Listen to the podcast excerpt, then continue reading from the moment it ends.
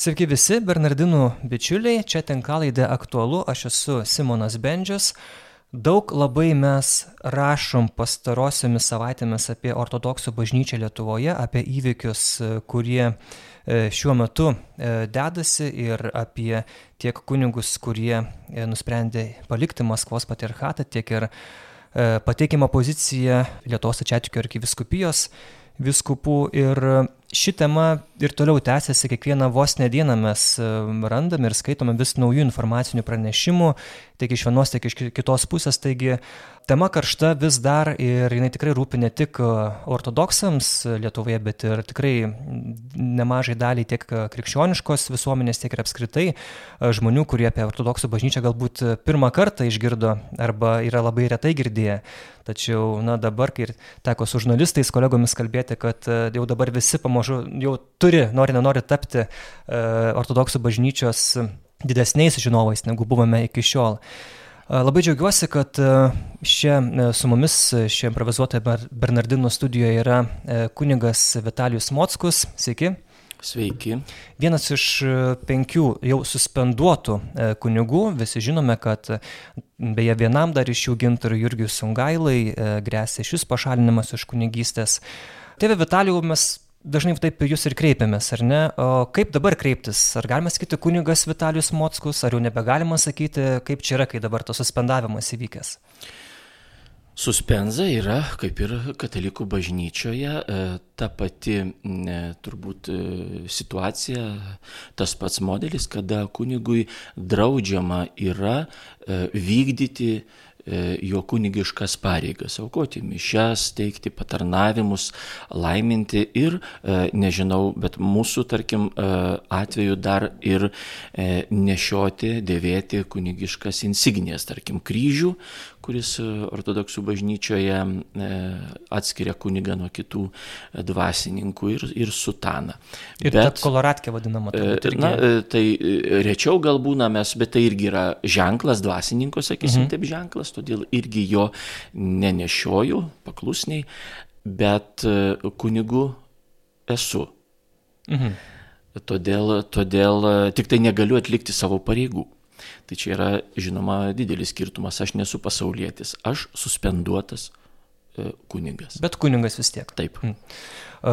Jums jau teko gražinti tuos liturginius rūbus, e, kaip čia tai buvo, ar tiesiog atnešėt, ar...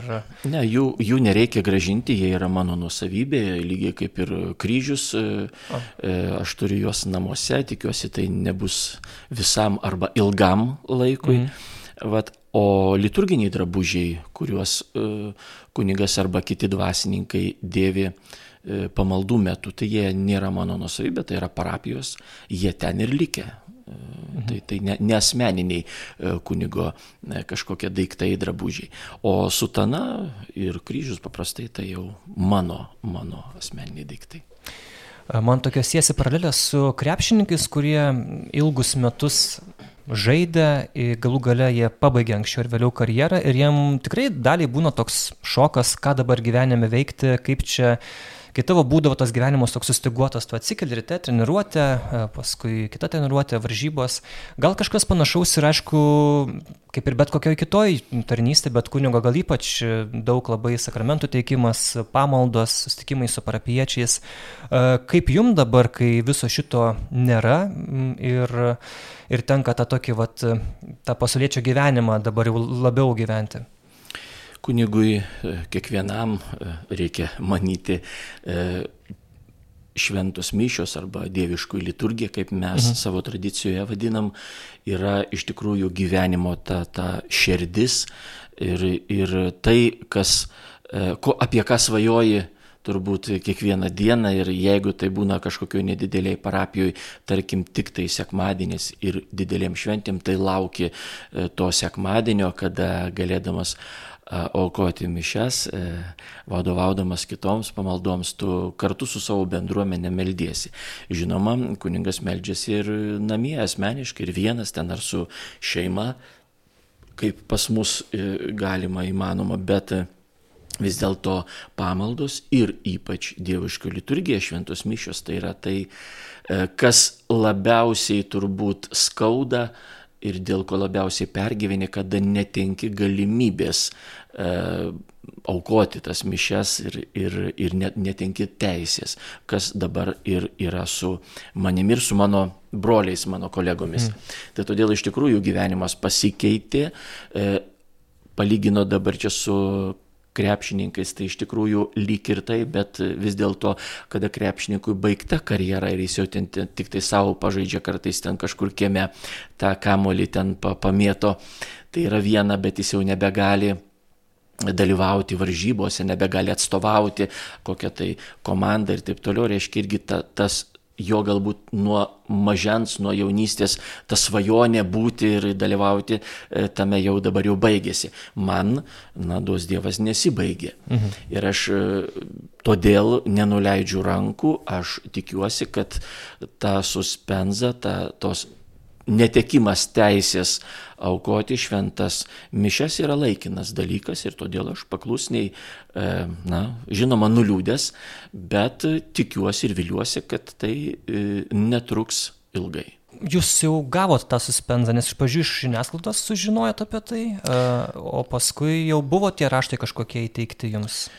Taip, mes sužinojom tą patį vakarą iš žiniasklaidos, tai reiškia, e, aš pasižiūrėjau į mūsų arkiviskupijos tinklalapį, ten buvo publikuota paprastai tokie dalykai nėra publikuojami, bet, na, kadangi čia jau, taip sakysim, mūsų atvejais toks jau labai išskirtinis mm. pasidarė, tai jau čia viskas yra publikuojama ir faktiškai su arkiviskupija mes bendraujam kažkodėl tai tik per žiniasklaidą. Čia viena yra. Na, o paskui man elektroniniu paštu jau buvo atsiųsti šitie dekretai du ir galiausiai, e, jau žinau, pateikiau savo namų adresą ir jau originalai tų dekretų bus atsiųsti per paštą, per kurjerių. Kas tam parašyta juose? Pirmas dekretas yra, jog e, mano prašymu, o aš tokį prašymą teikiau, berots balandžio 27 dieną, e, kad mane atleistų iš pareigų, reiškia, na, iš kunigo pareigų, iš, mm. iš viskupijos klero.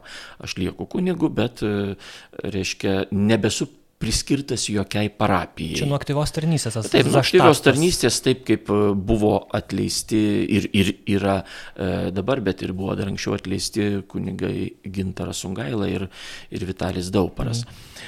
Ir patenkintas buvo šitas mano prašymas, tai yra vienas dekretas, kad, e, reiškia, mano tas prašymas yra tenkinamas. Ir kitas dekretas, sekantis, e, už E, kunigiškos priesaikos sulaužimą, e, už nekanoniškus savo veiksmus, už bažnytinės disciplinos tvarkos nesilaikymą, aš esu dar ir suspenduojamas. O buvo paaiškinta konkrečiai, e, kokios ten tos priesaikos vietos sulaužytos, kokie kanonai pažeisti jūsų? Ne, ne, nepasakyta niekur, bet turėtų tai būti tai, bet mm. nu, žinom mes e, tą priesaiką visi, tarkim, kiekvienas iš ir diakonas, ir, ir kunigas paskui jau antrą kartą, kada e, antrieji tie šventimai būna, mes tokią priesaiką skaitom. E, ją, ją ištariam ir pasirašom. Aš galiu pacituoti šiek tiek, būtent e, informacinėme pranešime, kuris buvo berots Oi, antradienį e, galbūt paskelbtas Lietuvos tačiatikių arkiviskupijos, cituojama priesakos žodžiai, visais įmanomais būdais tenksiuosi savo tarnystę atlikti pagal Dievo žodį, bažnyčios taisyklės ir vadovybės nurodymus. Kandidatas prisiekia apsaugoti tas mano globai patikėtas sielas nuo visų erezijų ir susiskaldimų. Taip pat prisiekia, kad be savo vyskupo palaiminimo tarnybos vietos, kur būsiu paskirtas valios, e, žodžiu, be savo vyskupo valios, neišvykti ir mm, savarankiškai niekur nepereiti Ir taip pat būsimasis dvasininkas prisiekia, kad kiekviename savo tarnystės darbe galvosiu ne apie savo garbę, interesus ar naudą, apie Dievo šlovę, šventosios uh, Rusios ortodoksų bažnyčios e, gerovę ir savo artimo išganimą. Ir buvo trečiadienis spaudos konferencija Trako vyskupo Ambrosijaus, naujojo Lietuvos Ačiatiko arkiviskupijos kanclerio, kuris, na, tą, tą patį ir, ir minėjo, kad būtent tai yra sulaužta kunigo priesaika. Ir na, savavališki, kaip jis sako, revoliucijos būdu daromi veiksmai, atsiskirti ir, ir pereiti, bandyti pereiti į kitą patriarchatą. Tai kaip į tokius kaltinimus jūs reaguojate? Atrodo, kad na, čia rašoma, kad na, be visko papalaimino, kaip ir tu negali nieko daryti. Taip. E, iš tiesų ten labai gražiai yra pasakyta ir, ir to turėtume visi laikytis ir laikomės ir laikėmės. Mes visada ir laikysimės taip e, gyventi ir, ir savo kunigišką tarnystę vykdyti remiantis Dievo žodžiu, ar ne, e, mhm. bažnyčios kanonais, viskupo nurodymais ir taip toliau. Nu, niekas negali pasakyti, kad mes ne taip kunigavome, ar ne, ne, ne tokie buvom. E, kur kalbama apie tai, jog be vyskupo valios e, leidimo nepalikti savo tarnystės vietų. Iš tikrųjų mes nepalikom savo tarnystės vietų, mes kiekvienas buvome savo parapijoje, o laikydamiesi bažnyčios tvarkos tiesiog paprašym mus, mus atleisti iš pareigų, mes paprašym leisti vyskupui mums Taip. nebūti kažkokioje tai parapijoje Tai reiškia, vėl e, klausėme vyskupo, ar galima tai būtų, mes norime taip. Mhm. Ir yra tokia praktika ir, ir tai normalu yra, kada, kada vyskupas leidžia arba būna neleidžia. Tarkim, jisai, e, mano prašymas buvo paduotas balandžio 27 dieną, bet vat, patenkintas tik tai gegužės 10 dieną. Tai vat, visą tą laiką aš turėjau būti savo parapijoje, e, turėjau vykdyti savo pareigas kaip mhm. Jau tuo metu e, katedros vikaro, kunigo vikaro, e, bet aišku buvo paprašyta manęs neaukoti mišių, netarnauti, nevadovauti kitoms pamaldoms ir net neklausyti iš pažinčių. Vėl visą tai klusniai, aš ir mano kolega kitas, e, kuningas Vladimiras, mes tai vykdėm ir todėl čia jokių tokių nusižengimų nematau ir niekas negali matyti. O dabar dėl perėjimo į kitą vietą. Žinoma, jeigu aš e, palikčiau savo parapiją ir pereičiau į kitą, ar ne, arba atlikčiau ten kažkokius tai veiksmus, tarkim, vadovaučiau pamaldoms be vietos klebono leidimo, ateičiau ten į kitą parapiją žiūrą atrakintą ir ten kažką tai, kažką tai organizuočiau, ar ne, tai žinoma būtų nusižengimas. To niekada nebuvo, maža to, dabar, tarkim, kai esam ne tik suspenduoti, dabar jau tuo labiau, mhm. bet net jeigu būtume jau ir atleisti nuo aktyvios kunigiškos tarnystės, bet nebūtume suspenduoti, mes negalėtume be kiekvieną kartą konkretaus vyskupo leidimo, tarkim, kažkur tai aukoti mišių, bet jam leidus galėtume, nes mhm. nebūtume suspenduoti, arba teikti patarnavimą, palaidoti, pašventinti ten namus, Taip. arba dar e, kažką tai atlikti, net jeigu tai būtų, tarkim, mūsų pažįstami žmonės, mano draugai ir taip toliau. Todėl visą tai irgi mes klusniai vykdėm. Dabar dėl perėjimo vėl galima būtų traktuoti mhm. į e, kitą viskupiją arba tuo labiau į kitą jurisdikciją, tai irgi yra tam tikri tam tikros procedūros, tam tikros taisyklės, bažnyčios e, kanonai, kurie reglamentuoja, kaip tai yra daroma. Todėl vėl e, mes ir prašėmės išleidžiami tiesiog iš viskupijos klero aktyviai nekunigauti, aktyviai ne, neatlikti savo pareigų. Va, ir viskas. Ir todėl, kada jau prasidėjo kaltinimai, šiuo atveju, na taip liaudiškai kalbant, iš piršto laužti, kad mes e, daug metų jau e, rengėme, ruošėmės ir galiausiai dabar e, peiliu į nugarą dūrėm ir pasirodo esam tokie schizmatikai ir bažnyčios skaldytojai, Tai e, šitokių veiksmų nebuvo, niekas mūsų apie tai e, ne, nereikalavo va taip, o, įrodyk. Arba mes sakytum, nu įrodykit, nu, nu kaip čia taip dabar yra. E, šitiek metų kartu dirbom, ypač, tarkim, aš dirbdamas aštuonis paskutinius metus, aš dirbau uh, viskupijos, arkiviskupijos kurijoje, kanceliarijoje. Ir dabar reiškia, uh, jeigu aš ten kažkokiu tai veiksmu imčiausi tai ir matė, nes ten tam kreipimas yra pasakyta, kad dabar pagaliau atėjo laikas apie tai prabilti. Taip, jeigu galima, aš Taip. E, vakar per tą konferenciją paklausiau būtent visko Pamprosijos ir bija tokia notabene, kad, e, na, žinom, jog dabar arkiviskupijos nekoks yra požiūris į Bernardinų redakciją, dėl to, kad mes publikuojam ne tik jų poziciją, tačiau žino arkiviskupija tą ir mes čia galim dar kartą pakartoti, kad esam tikrai atviri ir išklausyti ir kitą pusę ir tokį patį padaryti podcastą, kad ir su, su kitos pusės atstovais, tai tas kvietimas tikrai lieka galioja ir mes nuoširdžiai lauktume to tokio tokio pokalbio, o vakar paklausiau apie tą būtent samokslą, e, kaip teigiama, kurį jūs dar prieš tą skandalą rezgėte. Ir ką pasakė viskupas Ambrosijus, kad Cituoju, jie dar prieš konflikto pradžią slaptai kalbėjosi su kunigais, siūlė jiems pereiti į Konstantinopolį ir darė tai už metropolito nugaros. Visiškai slaptai ir negražiai kūrė savus planus. Ir tas laikas mūsų bažnyčios polimui buvo pasirinktas labai protingai, būtent per didįjį pastininką, kai nesinorėjo apie kažką kalbėti, žmonės visi meldėsi, na, o visa Lietuva buvo dar išgazdinta karo ir aišku, išgirdę tokius argumentus jūsų kunigų, tada e, žmonės lengvai e, patikėjo. Ir kai jo paklausiau, ar jūs žinojot apie tokius veiksmus, sako, taip, žinojom ir ar kažką, nu, ar darėt kažką kad būtų galima sustabdyti, įspėti, tai toks buvo viskopo atsakymas, kad jeigu pastebėjot, pirmas metropolito pareiškimas, dar tą pačią balandžio 15 dieną toks labai trumpas, kad yra vidiniai reikalai bažnyčios buvo gan neutralus, e, kaip tik buvo bandoma daryti, kad visa tai liktų tik bažnyčioje, kad tai neitų į viešumą, bet kunigai nusprendė bendrauti su savo vyskupu per žiniasklaidą, tai tada teko padaryti antrą pareiškimą, jau tą garsųjį, kuriame metropolitas pasakė, kad atėjo laikas įvardyti, dėl ko tie kunigai buvo atleisti į atsargą, kad čia vis dėlto buvo tas samokslas. E, mhm.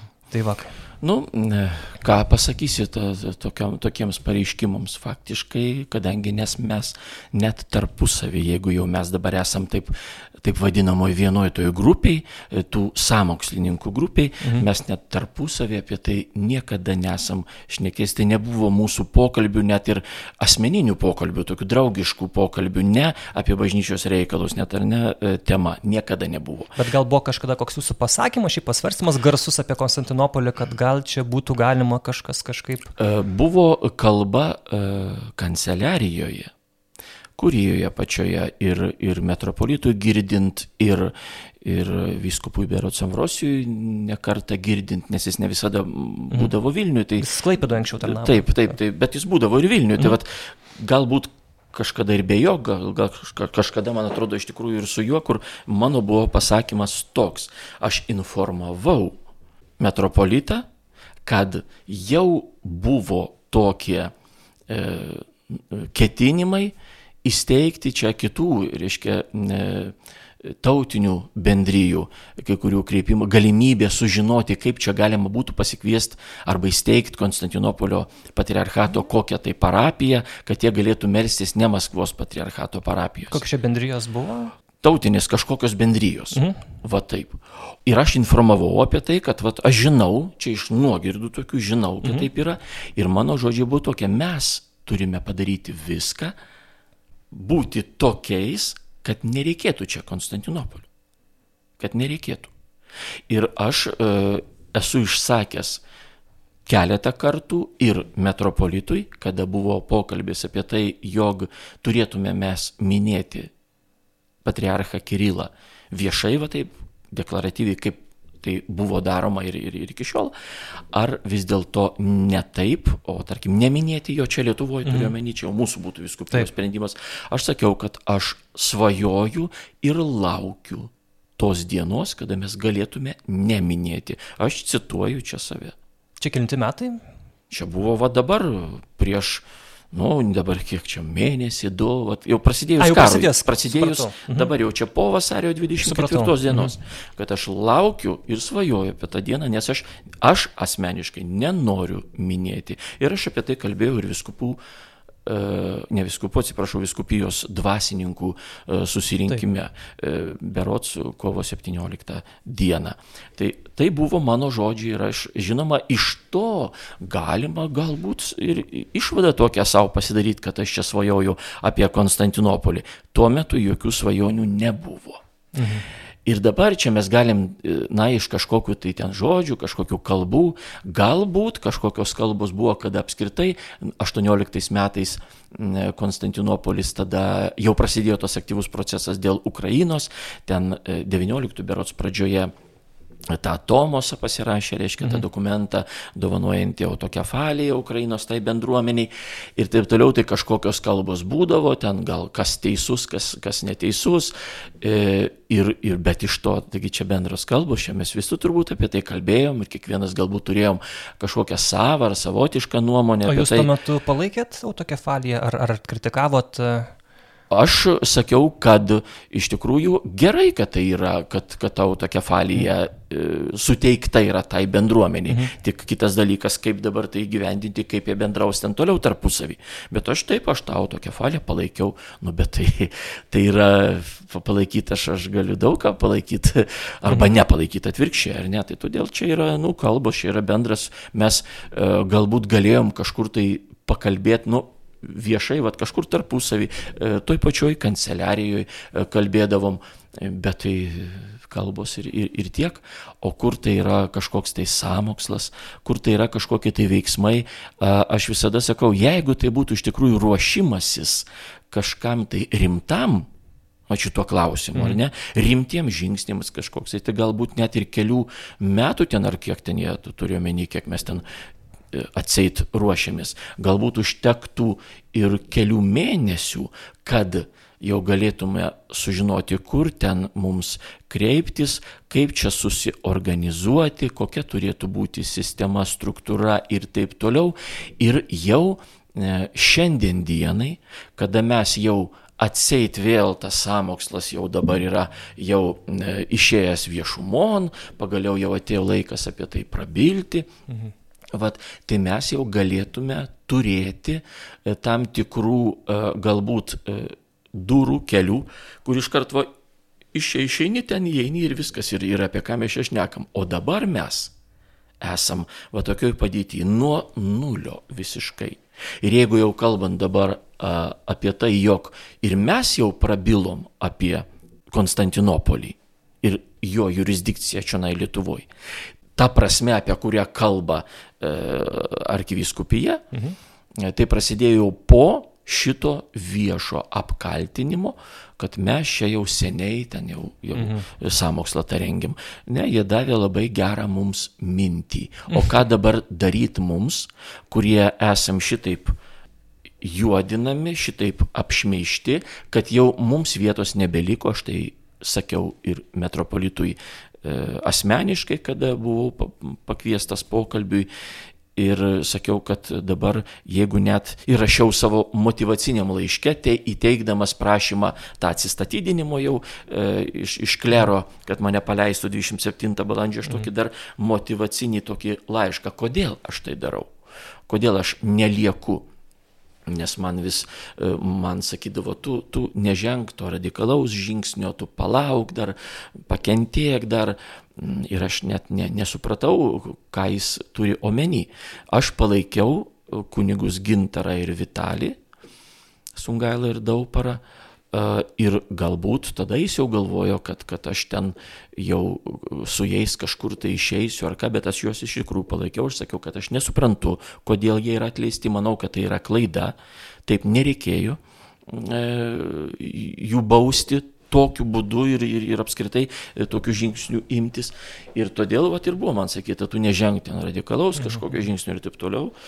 Aš ir sakiau, kad aš neskubu, bet aš žiūriu, toliau tie įvykiai vystosi, vystosi, vis tie pareiškimai kažkokie, tai ir iš tikrųjų ne mes ten nusprendėm per žiniasklaidą bendrauti, bet tai e, kaip tik e, mes dažnai atsakydavom tik tai į tuos e, žiniasklaidoje paskelbtus kreipimusis, lygiai kaip ir mes iš žiniasklaidos tik ir sužinojom, kad esam suspenduoti.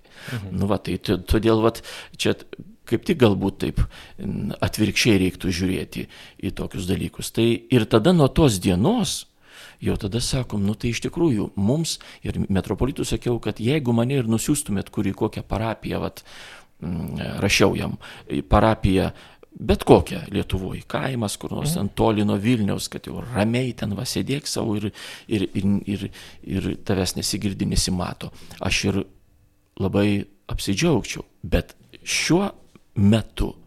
Dabar jau susiklošius tokiam aplinkybėm tai neįmanoma, nes normalūs parapiečiai sužinoja, kad į jų parapiją, ten klebonų ar vikaro, nesvarbu kuo, reiškia kunigų siunčiamas, skiriamas Raskolnikas? Mo, Mockus, taip, toks schizmatikas, bažnyčios skaldytojas, tai normalus parapietis, išsigastų ir viskupų sakytų, nereikia mums duokit kitą, ką mums toks reikalingas. Tai vat, e, todėl e, vat, tokie veiksmai nepaliko iš tikrųjų galimybės man e, pasilikti, va taip, normaliai tarnystėj viskupijoje, mūsų viskupijoje. Ir todėl aš priimiau sprendimą e, palikti aktyvę kunigišką tarnystę. Apie tai dar daugiau aš jūsų paklausinėsiu, apie tuos e, motyvus, kodėl palikot, e, bet dar tiesiog, jeigu pabaigtumėm tą bloką apie tas paskutiniuosius pasisakymus, e, dabar labai daug kalbama iš abiejų pusių apie tuos teisinius dalykus dėl to paties perėjimo į Konstantinopolio jurisdikciją. Ir na, jūsų pusė sako, kad teisiškai tai viskas yra tikrai na, įmanoma, nes teisiškai netgi ir Konstantinopolio teritorija tebėra istoriškai ir netgi ten kanoniškai Lietuvos teritorija. Tuo metu, ką vėlgi toj pačioj spaudos konferencijoje pasakė vyskupas Ambrosijus, kad e, kito patriarchato ateimai yra tam tikra procedūra. Kunigai bando aiškinti, kad čia nieko tokio, kad pakeis jurisdikciją, tai panašiai kaip situacija, kai einu nusipirkti pieno į maksimą, o dabar į iki vaikščiosiu. Taip jie bando klaidinti visuomenę, bet jeigu įsigilinsit į kanonus visą tvarką, suprasit, kad naujos bažnyčios ateimas į kitos autokefalinės bažnyčios kanoninę teritoriją taip nėra daromas. Ir tai, ką daro tai suspenduoti kunigai, yra tiesiog kanoninis nusižengimas. Kaip šitą pakomentuotumėt?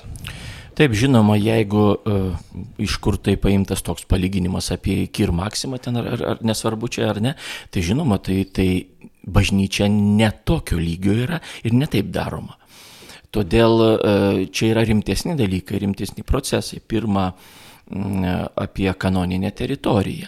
Tai iš tikrųjų tai yra ginčas tarp dabar Maskvos ir Konstantinopolio, o taip pat jau ir kitų autokefalinių bažnyčių, tai kaipgi su ta kanoninė teritorija. Konstantinopolis aiškina, kad jisai atšaukė savo e, leidimą Kievo metropolitą konsekruoti Maskvos patriarchui, o tai reiškia atsijima savo visą tą e, teritoriją, Kievo metropolijos mhm. teritoriją, į kurią įeina ir Lietuva. Ir tame leidime vis tiek buvo nurodymas, jei neklystų, minėti, minėti Konstantinopolio patriarchą. Taip, taip, kas mhm. nebuvo ten vykdoma. Tai čia jau tokie mhm. istoriniai dalykai. Ir dabar Konstantinopolis tiesiog sako, ačiū, daugiau nebereikia, mes jau dabar atšaukėm. To negalėjo padaryti anksčiau dėl įvairių ten aplinkybių. Pirmas toks uh, žingsnis ir jau, galima sakyti, na, paminėjimas to proceso buvo 1923-24 metais, kada daliai buvusios Kijevo metropolijos teritorijai na, reiškia, dalis tos teritorijos jau gavo autokefalijos teises, tai yra Lenkijos bažnyčia mhm. autokefalinė. Mhm. Kaip tik ten ir buvo pasakyta, kad kadangi tai buvo Kievo metropolijos teritorija, Konstantinopolio jurisdikcija, o dabar tai yra nepriklausomos valstybės, E, ribose mhm. veikianti, veikiančios viskupijos, todėl Konstantinopolis dovanoja, jiems suteikia autokefaliją. Ir Rusijos bažnyčia pripažino Lenkijos? Ne, iš pradžių nepripažino, žinoma. A. Iš pradžių nepripažino, okay. o pripažino tik uh, berots 1948 metais. Mhm. Tai vad irgi, nu ten beveik po, po 20 metų, ten ar kiek 24.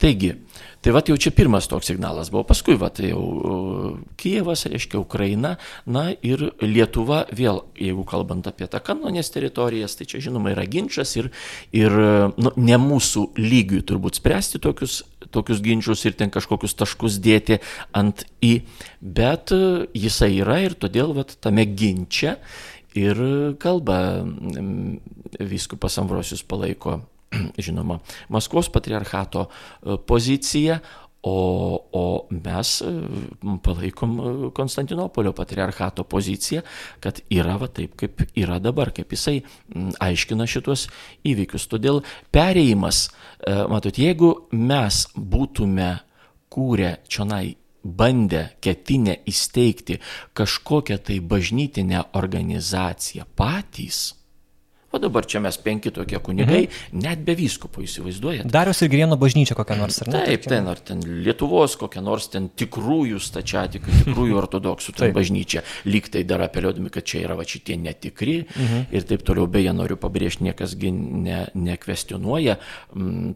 To, kad e, Maskvos patriarchas yra neteisėtas patriarchas. Ne, jis yra teisėtas, mhm. jis yra išrinktas teisėtai veikiantis ir taip toliau. Čia dėl kitų priežasčių mes nenorim jo minėti. Bet e, ir dabar išeina, jeigu mes teiktume va šitokią kažkokią savo bažnyčią, taip, tai būtų schizma, tai būtų skaldimas kažkoks, tai tai būtų nekanoniška ir niekas pasaulyje nei žinoma Maskvos patriarchatas, kas jau akivaizdu, nei Konstantinopolis, nei kita kokia autokefalinė bažnyčia mūsų nepripažintų ir teisingai darytų. Nes mes būtume tikrai kažkokie atskalūnai, kurie mhm. e, kažką tai sukūrėm savo, nesilaikydami bažnyčios kanonų. Dabar mes savo nesukūrėm. Tarkim, galima būtų dar traktuoti ten, nu, jisai grįžta Konstantinopolio patriarchatas čia į Lietuvą, ar čia ateina e, dabar tik mhm. tai nežiūrint ten, tarkim, istorinių kažkokių tai aplinkybių iki 17 amžiaus antros pusės, kai jisai čia mhm. buvo vis dėlto, bet tiek to jau, ar ne? Bet kuriuo atveju Konstantinopolio patriarchatas tai yra e, autokefalinė bažnyčia, yra visų pripažįstama, nu, keista būtų, jeigu nepripažintų jos, mhm. ir kanoninė bažnyčia, ir mes norime dabar jau jai priklausyti. Ir todėl, kur čia yra bažnyčios skaldimas? Dabar mes paskui save, kaip buvo ten teikta, Tempete. bandom uh, gundyti ir, ir uh, įtikinėti kitus ir kunigus, mhm. ir, ir pasauliečius ir, ir tikinčiuosius.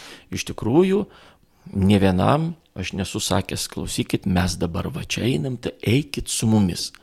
E, yra nemažai pasauliečių, mūsų tikinčiųjų, kurie tikrai palaiko šitą procesą. Bet ne todėl, kad mes juos dabar bandom įtikinti ir jie sako, nu tiek to čia tikrai turbūt reikalinga. Tai yra toks savaiminis procesas, kur jie galbūt net pirmiau mūsų. Pirmiau mūsų. Mes jau paskui jau čia tas vat, konfliktas toks įvyko mhm. ir jau sugalvojom, nu gerai, nu ką mums dabar daryti, kaip aš vienoj vietoje sakiau, kad, kad nu, teks gal, bet aš nenoriu nei statybose, nei e, dirbti, nei, nei taksi vardą, aš noriu būti kunigu. Mhm. Tai va ir teks tenai. Tai todėl e, vat, mes nieko nekuriam čia kažkokio tai schizmatiniu. E, kitos išeities nėra dabar. Ir tokia situacija de facto egzistuoja kitose Europos šalise. Čia aišku dabar reikės sakyti, va, tai turbūt Lietuva yra kaip traktuojama kanoninė Maskvos patriarchato teritorija, tai. o tai reiškia buvusi Sovietų sąjunga, jos jau nebėra Sovietų sąjungos. Ir tų reliktų gal nereiktų čia palikti ir dar traktuoti, kad čia nuo Sovietų sąjungos laikų labai graži tradicija. Čia būtent Sovietų sąjungos e, teritorija, tai yra kanoninė teritorija Maskvos patriarchato atseit. Mhm. Taip.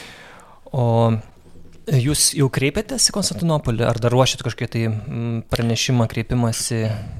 Po balandžio 18 dienos to kreipimosi, kada, kada mus jau įvardijo kaip schizmatikas de facto, va čia dabar jau, matot, mhm. jau jie tokie yra, mes tada jau pradėjom, nu tai ką dabar daryti, nu, nu, vat, nu kaip mums būti kunigais, ar ne, mes iš Lietuvos nenorim išvažiuoti. Mhm. Mes esam Lietuvos piliečiai, nu, gal ne visi, bet, bet vis tiek iš mūsų ten tų septynių, sakysim, tos grupės, ar ne.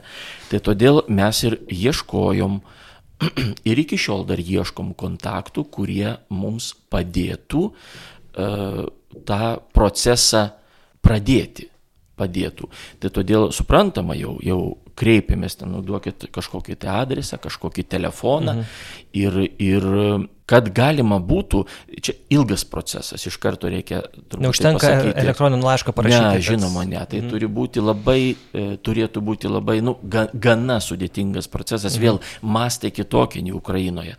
Ukraina e, siekia to 30 metų, o tokios aktyvios fazės e, tų, tų visų procesų, ar ne, buvo galbūt gal kokie 10 metų Mhm. Tos jau aktyvios Taip. tokios fazės.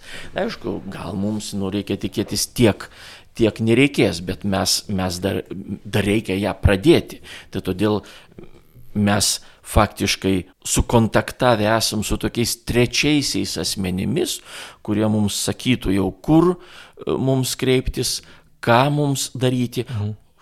galų gale, o kaip mums ten rašyti mhm. elektroniniu paštu ar ne ir taip toliau, ką paminėti, ko reikia tam ir taip toliau. Tai vad matot, vėl čia yra, grįžtu prie jau pasakyto dalyko, kad jeigu mes ruoštumėmės tai jau daug metų, jau visa tai būtų aišku.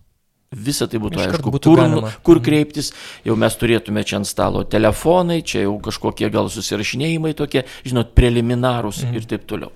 Va, tai todėl, aišku, mums dabar dėl, dėl mūsų suspenzijos va šitos reikės, aišku, nes suspenduoti esam ir, ir suspenduoti esam vyskupo, kuris yra veikiantis vyskupas. Ir, ir vėl visoji bažnyčia ortodoksų visame pasaulyje. Taip, žinoma, žinoma, ir todėl mes tada jau turėsime, turėsime kreiptis į e, Konstantinopolio patriarchą e, su apeliacija, kad mhm. mes esam suspenduoti neteisingai ir prašysim jo e, nu, tą suspenzą nuimti, laikyti negaliojančią. Nes čia, čia to neįmanoma. Jeigu trumpai apie Konstantinopolio patriarchą, neturi ortodoksų bažnyčia popiežiaus tokio aiškaus vieno lyderio ir uh, Baltramiejus, apskritai Konstantinopolio patriarchas laikomas kaip čia pirmas tarp lygių. Pirmas tarp lygių. Ką, ką jis gali, ar ne, kokios yra, jeigu tai trumpai jo, ir jūsų atveju, ar ne, uh, kokios jo privilegijos?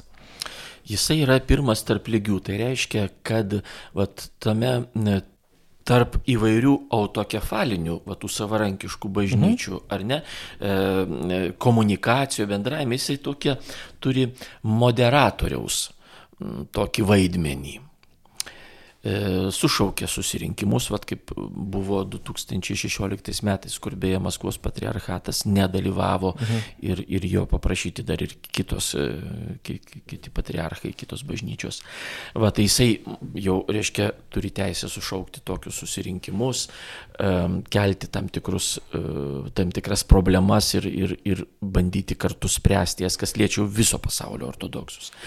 Ir žinoma, turi vat tą tokią apeliacijos teisę, jeigu, vad kodėl jisai, į, kaip sako, įsikišo į Ukrainos reikalus, mhm. jisai laukia, kol nu pati Maskvos e, bažnyčia, patriarchatas išspręs tą klausimą su tais schizmatikais, kurie 30 metų negalėjo bendrauti, negalėjo komunijos kartu priimti su kitais pasaulio tikinčiaisiais. Ir tai yra milijonai žmonių. Ką su jais reikėjo daryti ir mato, kad jau viskas jau, nu, jau nėra kur mhm. dėtis, jau, jau tie milijonai vis tiek meldžiasi ir, ir jie yra kažkaip už borto, reikia kažkaip spręsti tą klausimą. Ir jis jau tada sprendžia kaip va tas moderatorius, toks, nu vis dėlto aš čia pirmas tarp lygių, taip, bet, bet nu reikia kažką daryti ir jis padarė.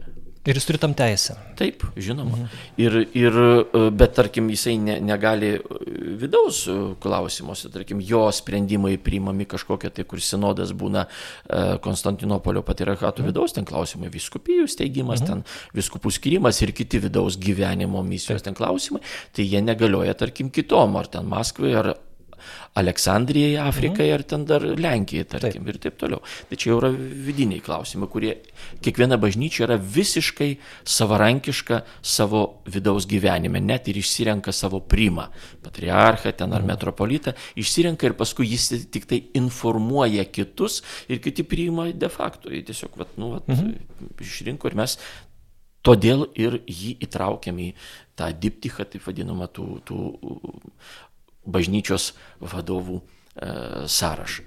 Tai vad Konstantinopolio patriarchas yra pirmas tarp lygių, toks moderatorius, e, kuris, kuris na, taip, kūruoja, sakysim, taip, tokią bendrą e, ortodoksų bažnyčių veiklą ir tarpusavio komunikaciją pasaulyje. Bet e, Maskvos patriarchatas nelaiko turbūt juo pirmo tarp lygių. Laiko, taip, bet, bet, bet vat, būna nepatenkintas, kada, kada jisai nubando tikrai matydamas, kad problema jau tiek įsisenėjo ir mhm. nėra sprendžiama arba nerandama mm, sprendimo, nerandama jokios išeities, nu tai tada jisai ir kažką jau bando daryti. E, ragina daryti pačią ten tą bažnyčią, mhm. jinai tarkim ten gal negali, nesutinka ir taip toliau, kaip buvo jau tarkim e, dar du tokie precedentai, visai nesenas, kada Makedonijos e, bažnyčia dabar buvo pripažinta ir, ir įtraukta į tą bendrą tokį komunijon, reiškia bendravimą, nes su ją irgi kaip su schizmatinė niekas pasaulyje nebendravo, ne, kartu netarnavo ir neleido komunijos, e, o tai nuo 1960 berot 7 mm. metų jinai e, atsiskyrė nuo Serbijos patriarchato ir pasiskelbė autokefalinę, nes jau tada jau nesutiko su, su, su Serbijos bažnyčia. O Makedonija. Serbija yra taip pat ir kaip ir politikai taip, serbu, taip ir bažnyčia palaiko Rusiją. Ir... Palaiko jie mhm. šiuo, šiuo atveju, taip, bet jinai yra irgi autokefalinė taip, bažnyčia. Taip, taip. Ir Makedonijos, ta taip vadinama schizma, jinai e, buvo nuo vat, antrojo e, antros 20 amžiaus pusės, mhm. iki, nu, galima sakyti, 60 metų mhm. ten apie. Ir galiausiai Konstantinopolis irgi mato, kad ten, tai jisai priėmė tą bažnyčią, leido, reiškia, ir komuniją, ir, ir, ir kartu koncelebruoti viskupams kunigams, na, o jos jau autokefalijos ar kokios kitos ten, kokio kito statuso klausimą jau spręsti tarp Serbijos ir Makedonijos tų bažnyčių ir jie tada gal jau dabar vis dėlto ten greičiau susitars ir taip toliau. Aš ten visų dabar detalių nežinau, bet mhm. va čia buvo uh, berots, gegužės 8 ar 9 dieną. Čia visai neseniai. Visai neseniai. Mhm. Čia vienas iš tokių e, naujausių, reiškia, va, to Konstantinopolio patriarchato tokių veiksmų e, viso ortodoksų pasaulio geroviai, tokiai kažkaip sprendžiant problemas.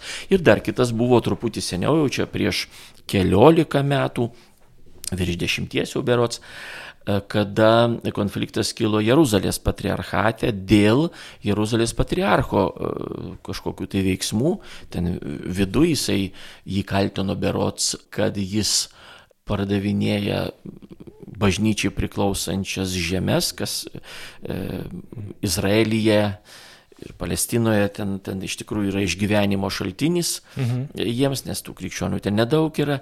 Nu ir ten kilo konfliktas vienu žodžiu ir pati bažnyčia ten negalėjo jo išspręsti viduje, kreipėsi į Konstantinopolį ir ten tada su kitom Konstantinopolis iškart įjungė dar kitas, kitas autokefalinės bažnyčias ir sinodas ten nušalino patriarchą.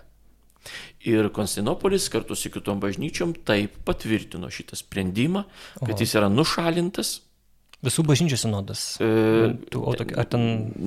Neatsimenu dabar ar visų, bet Konstantinopolis inicijavo Supratau. Jeruzalės prašymų šitą, šito klausimo sprendimą ir uh, Jeruzalės patriarchas buvo nušalintas ir išrinktas kitas. Tas senesnis, reiškia jau eks patriarchas, iki šiol gyvas, jis labai garbaus amžiaus, bet jisai gyvena ten E, Jeruzalėje berots e, ir, ir, ir tiek, bet netlieka savo pareigų, net neturi viskupijos, kadangi nu, jis nepaskirtas niekur yra, tiesiog kaip emeritas dabar gyvena. Bet jis gali aukoti mišes. Tai nežinau, jam ten galbūt ir leidžiama Supratau. kažkur, tai aš jau mhm. čia nežinau. Bet esmė tame, kad reikėjo įsikišti jau tokia falinės bažnyčios, Jeruzalės, o tokia falinės mhm. bažnyčios jau vidaus reikalą, mhm. vidaus savo gyvenimą, e, kad išspręsti tą problemą, kurių, kurios ji negalėjo išspręsti pati iš vidaus. Mhm. Tai vad e, apie, apie Konstantinopolio patriarcho, patriarchato ir patriarcho, reiškia, va, tą vaidmenį pasaulyje. Mhm, supratau.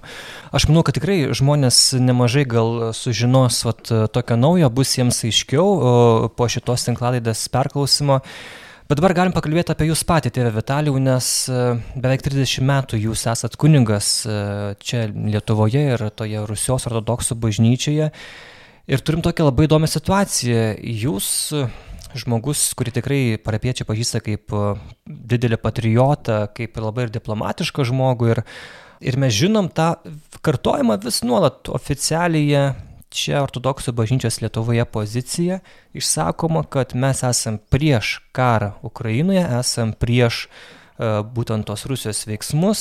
Mes nesutinkame su patriarcho Kirilo visais tais, atsiprašant, nusipezėjimais ir karo pateisinimais.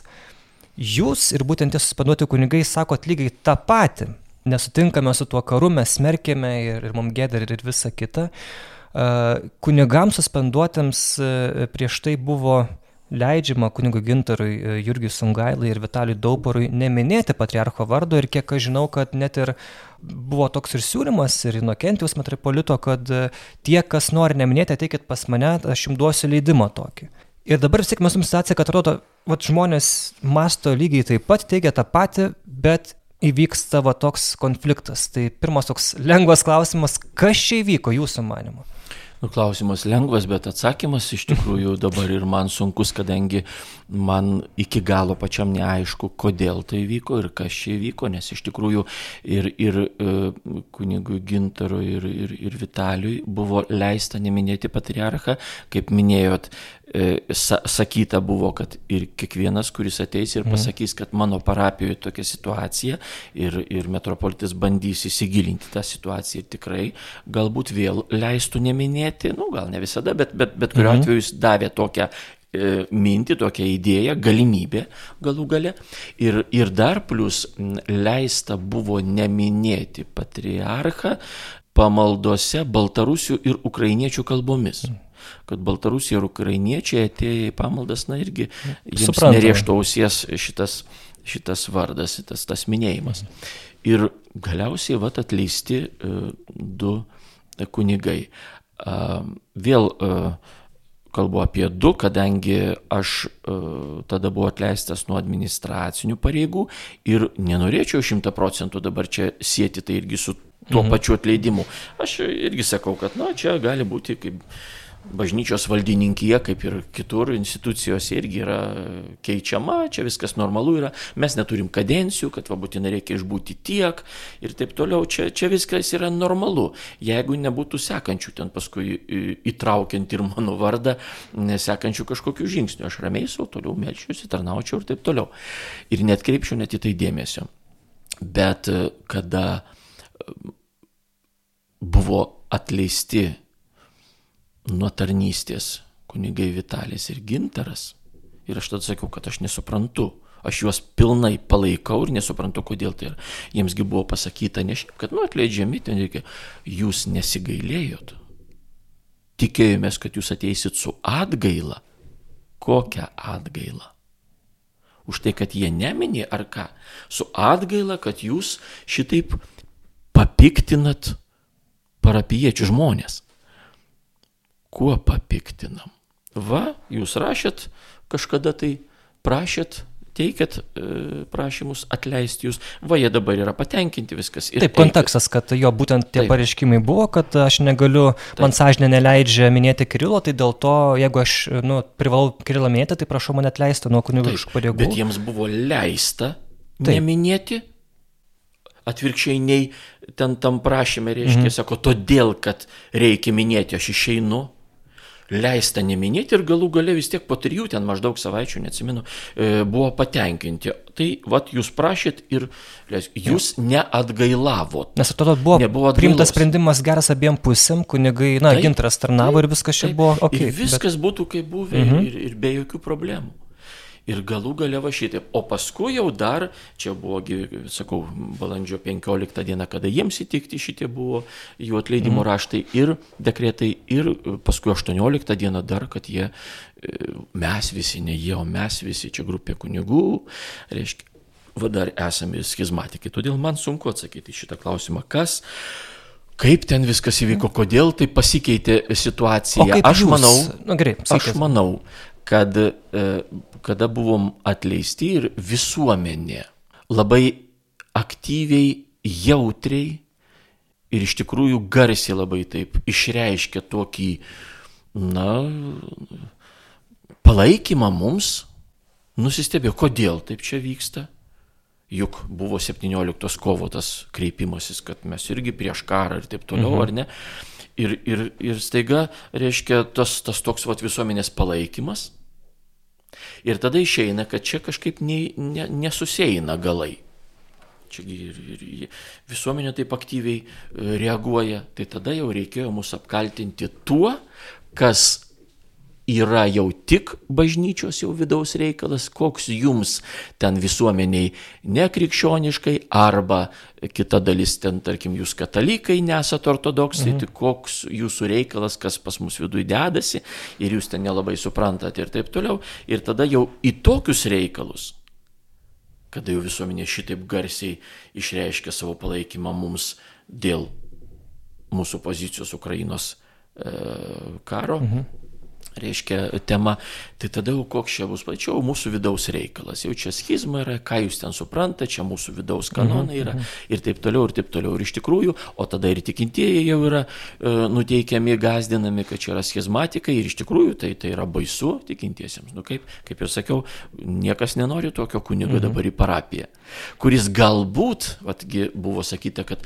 jūs dabar turite atgailauti dėl šito. Tai galbūt tarkim, jeigu būtų tokia nuodėmė, būtų už ką atgailauti ir aš ar ten mes visi, nesvarbu, mm, nu, šiuo atveju aš už save dabar kalbu, mhm. ar ne, ir apie save, nu, aš sakyčiau, taip buvo, aš suklydau ir dabar supratau. Ir aš, nu, mane priimtų, aš sugrįžčiau, Bet tai vis tiek, tai kas išeina, a, tai čia buvęs tas. Vis tiek jau pasitikėti iki galo negalima. Nu, tai jis vėl kada nors ten e, palankios aplinkybės susiklostys ir jisai vėl ten kažkur tai nukreips savo mhm. kelius į kitą pusę, kada bus kita kokia tai tema. Tai va, užtat jau jo pasitikėti negalima. Ir iš tikrųjų tai bus, nu, turbūt visam gyvenimui. Ir aš tai irgi suprantu ir visi taip supranta. Todėl, todėl va, tas toks, na, kažkoks tai staigus pasikeitimas nuo tos bendros visiems pozicijos, kurią išsakyti tai irgi aš įkalbinėjau. Kaip ten buvo iš tikrųjų? Mhm. Nes kada prasidėjo e, ta aktyvi karo fazė, turėkime omeny, kad jis 8 metus vyko, taip, taip, bet taip, nu, ten susišaudimai, tas Donbasas, ten toliau kažkaip nuo vasario 24 dienos. Taip, nuo vasario 24 vėl ta aktyvi fazė mhm. užpuolė e, jau ten kitas vietas, ne tik Donbasą, jau ir Kyivą ten ir taip toliau. Ir tą dieną e, iš ryto pamatęs, kas vyksta ir jau net perskaitęs ir išgirdęs e, kitų pasisakymus, reiškia ir politikų, ir e, bažnyčių kitų e, atstovų, jau dabar neatsiminsiu, bet nu dauguma kalbėjo apie tai. Konstantinopolis pačią pirmą taip, dieną įvardė Rusijos federaciją. Taip, čia, čiagi yra, čiagi yra, nu taip, akivaizdus tokie dalykai. Mm. Ir aš sakau, reikia ir mums kalbėti apie tai atvirai. Ne tai, kad, e, nu, negerai, kad karas, bet nu, tai karas nie, niekada negerai, apie kokį mes karą kalbam. Apie Kartaginos ten iki, iki Kristaus laikų karą. Ar ten apie Romos imperijos ten su kažkuo tai karą, su barbarais kokiais. Nu, mhm. Žinoma, kad mes prieš karą, bet tai mes turim sukonkretinti. Nu, ir tada buvo nutarta, kad apie tai kalbėsiu aš, kaip ne šiaip Vitalijus Mockus, bet arkiviskupijos atstovas kancleris, mhm. reiškia arkiviskupijos vardu.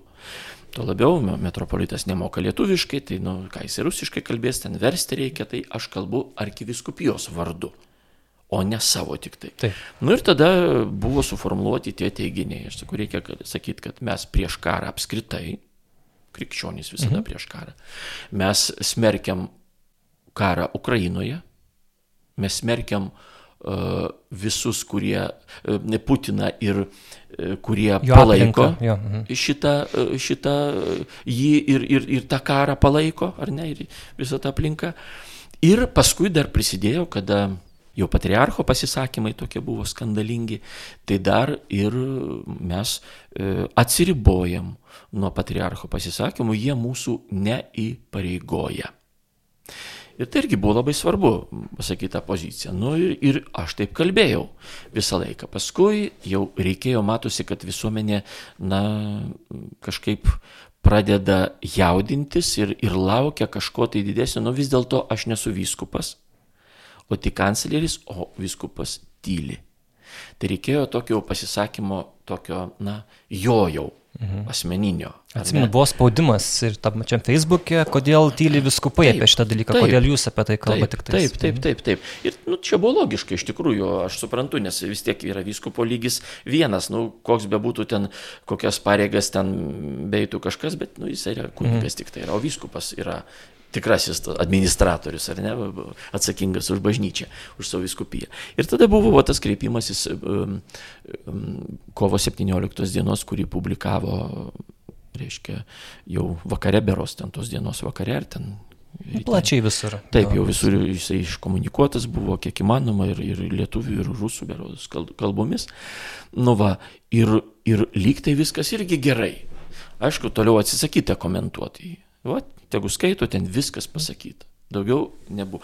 Ir tada m, kažkokią tai dieną, neatsiminsiu dabar, ar iki to, ar jau po to, e, dar buvo pasakyta, kad jokie kunigai daugiau nekalba šitom temom. Va čia labai Niekas. įdomu yra. E, kodėl? Čia, sako Vyskupas Ambrosas, kad čia buvo bendras kunigų sutarimas, žodžiu, tam, kad, nes yra įvairių nuomonių uh, tarp mhm. pačių kunigų ortodoksų bažnyčioje čia Lietuvoje, vieni palaiko mhm. Putiną, dėja, kiti nepalaiko. Ir Taip. tam, kad nebūtų kažkokio tokio na, vidinio susiskaldimo, kad, ai, geriau mes apie tai šis nekalbam mhm. ir tegu kalba oficialiai, tai jau būtent jūs arba, arba tiesiog tegu skaito žmonės tą tekstą, kovo 17 dienos. Bet tai čia tada ir buvo susitarta kovo 17 dieną, kada buvo įskupijos susirinkimas. Nu ir kaip mhm. susitarta, tiesiog mes taip pakalbėjom ir tikrai nusprendėm, kad gal nereikia skaluoti iš tos temos parapijose, kad, kad mhm. ne, neskaldyti ir pas mus yra ir ukrainiečių, ne tik atvykusių, taip, taip, taip. bet, bet ir čia gyvenančių, ir ukrainiečių, ir rusų, kartais net nežinai tiksliai, kuris yra, kuris ten, ar ne, mhm. niekada neklausyti, netautybės, bet mhm. pasirodo dabar vat, visą tai jau mhm. ir kažkaip išryškina šitas tautinės tokias, vat, kas kam priklauso. Bet uh, E, ir, ir buvo pasakyta, kad gal tikrai mes nekalbėkim. E, mes aišku, e, dar kai kurie kunigai oponavom, sakom, na visai nekalbėti negalima, kadangi, na čia yra ne tik politika, tai yra ir moralės klausimas dar, ar ne? Ten, kur nesvarbu ekonomikoje, politikoje, visuomeniniam gyvenime, galų galę sporte, kur bebūtų, yra moralės, E, kažkoks tai e, klausimas, sritis, e, moralinis vertinimas vienu ar kitų veiksmų, ar įvykių, ar mhm. reiškinių, mes turim pasisakyti kaip krikščionys, kaip ganytojai, kaip kunigai. Taip. Taip. Ir privalom net kartais įvertinti, ar čia krikščioniška yra šitaip elgtis, ar nekrikščioniška. Mes mhm. negalim nustatinėti pensijų dydžio, Čia ne mūsų kompetencija, bet mes galim pasakyti, kad, tarkim, yra skriaudžiami žmonės. Ir šiuo atveju, karo atveju, ne mums nurodinėti, kada pradėti, kada įbaigti, mes galim tik tai melstis, mhm. prašyti ir, ir, ir kažkaip tai kreiptis, raginti, e, pirmiausia maldoj, bet mes turim pasakyti, kasgi iš šitų kariaujančių nusidėjo. Nes viena yra ginti savo šalį e, su ginklu rankoje, kita visai yra užpulti. Tai todėl, todėl e, ir, ir mes oponavom, kad nu, reiktų kalbėti, žmonės klausia. Jūs oponavot e, per tą susirinkimą. Taip, taip, sakėt. tai buvo keli, keli kunigai, faktiškai va tie, kurie va, mes dabar va, ir, ir esam tą grupę sąmokslininkų atseit. Taip. Tai va, bet, nu, dauguma vis dėlto buvo taip, kad, nu, ne vis dėlto nereikia apie tai kalbėti ir ką, bet va tas draudimas mhm. nekalbėti buvo daug ankstesnis. Aš galiu klysti, bet tai buvo kažkur tai vasario paskutiniam dienom.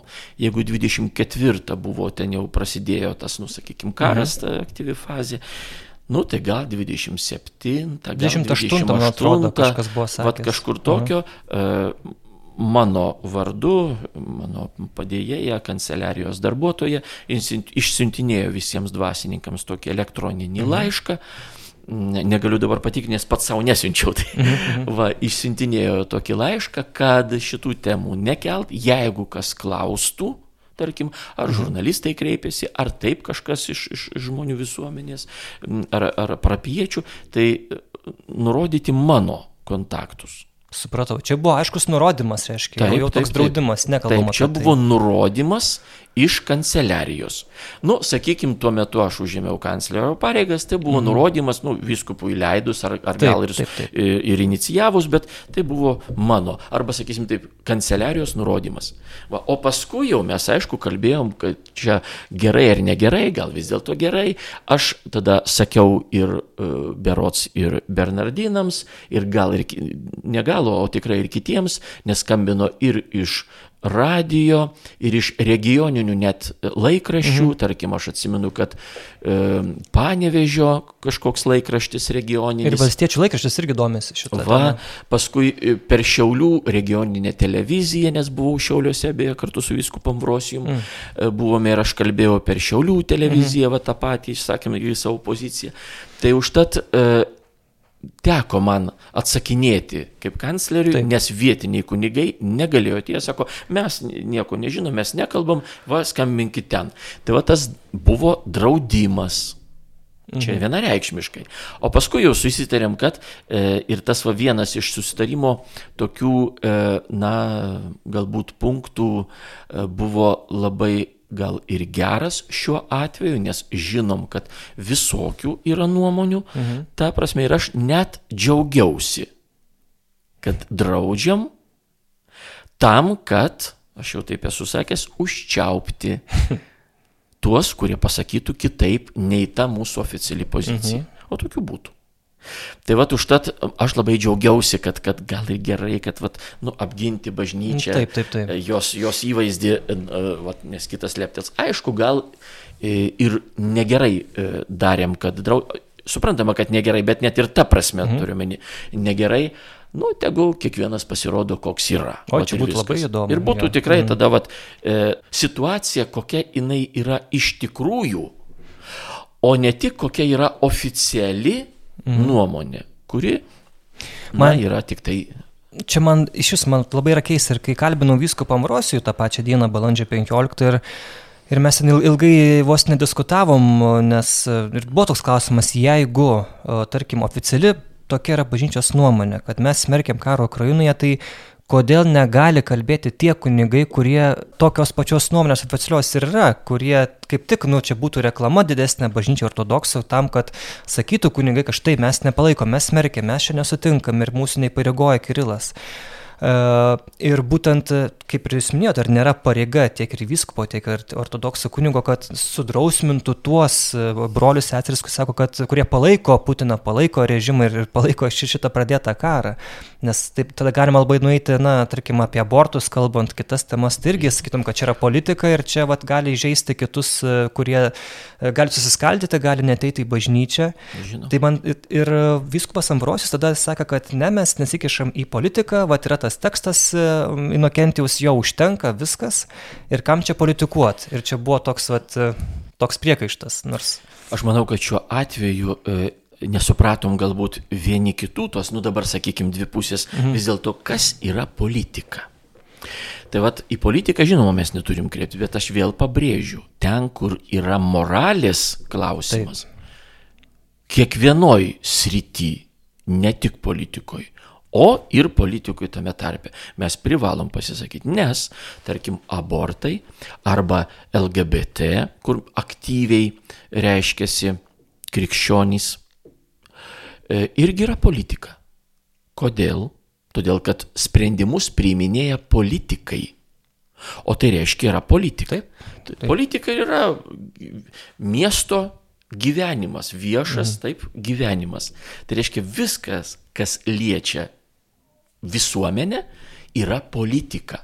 Tikra ekonominė politika, galų gale bažnytinė politika ir taip toliau. Čia graikiškas žodis, kurį mes galbūt turėtume e, į, versti ir galbūt, kad būtų aiškiau šiuo atveju pavarto tokį gyvenimas ir veikla mūsų. Tarkim. Tai vad, todėl e, čia buvo toks nesupratimas vieni kitų. Nereikia kištis į politiką, nereikia. Bažnyčia draudžia kištis į politiką. Kokią prasme? Mes turim tokį dokumentą, mhm. kuris vadinasi, jisai 2000 metais priimtas, beje, kuri, kurio parengimą viso, jis toks gana, gana yra didelis dokumentas, tai ne viena dešimtis puslapių, e, kurio e, rengimą kuravo tuometinis dar metropolitas, dabar patriarchas Kirilas. Mm. Ir ten yra tokia viena iš dalių šito dokumento, reiškia, tokia dalis, reiškia bažnyčia ir politika. Ir ten pasakyta, kad bažnyčia negali kištis į politiką, tai yra palaikyti vieną ar kitą politinę partiją, kuri kovoja dėl valdžios. Nu, kovoja gerai, ta žodžio prasme, siekia valdžios. Rinkimų. Bažnyčia pati negali siekti politinės valdžios jokiame lygyje. Nei municipalinėme, nei, e, reiškia, jau vyriausybės ten ar parlamentų lygių. Kadangi mes ne, negalim, anksčiau būdavo galima ir tarpu kuriuo mes žinom, kad buvo ir katalikų bažnyčios, taip, taip. ir ortodoksų bažnyčios, tarkim, Seimo nariai arba net vyriausybės nariai. Taip, taip, taip. Su tam tikrom galbūt. Mykolas Krupavičius. Taip, bet jie dalyvavo.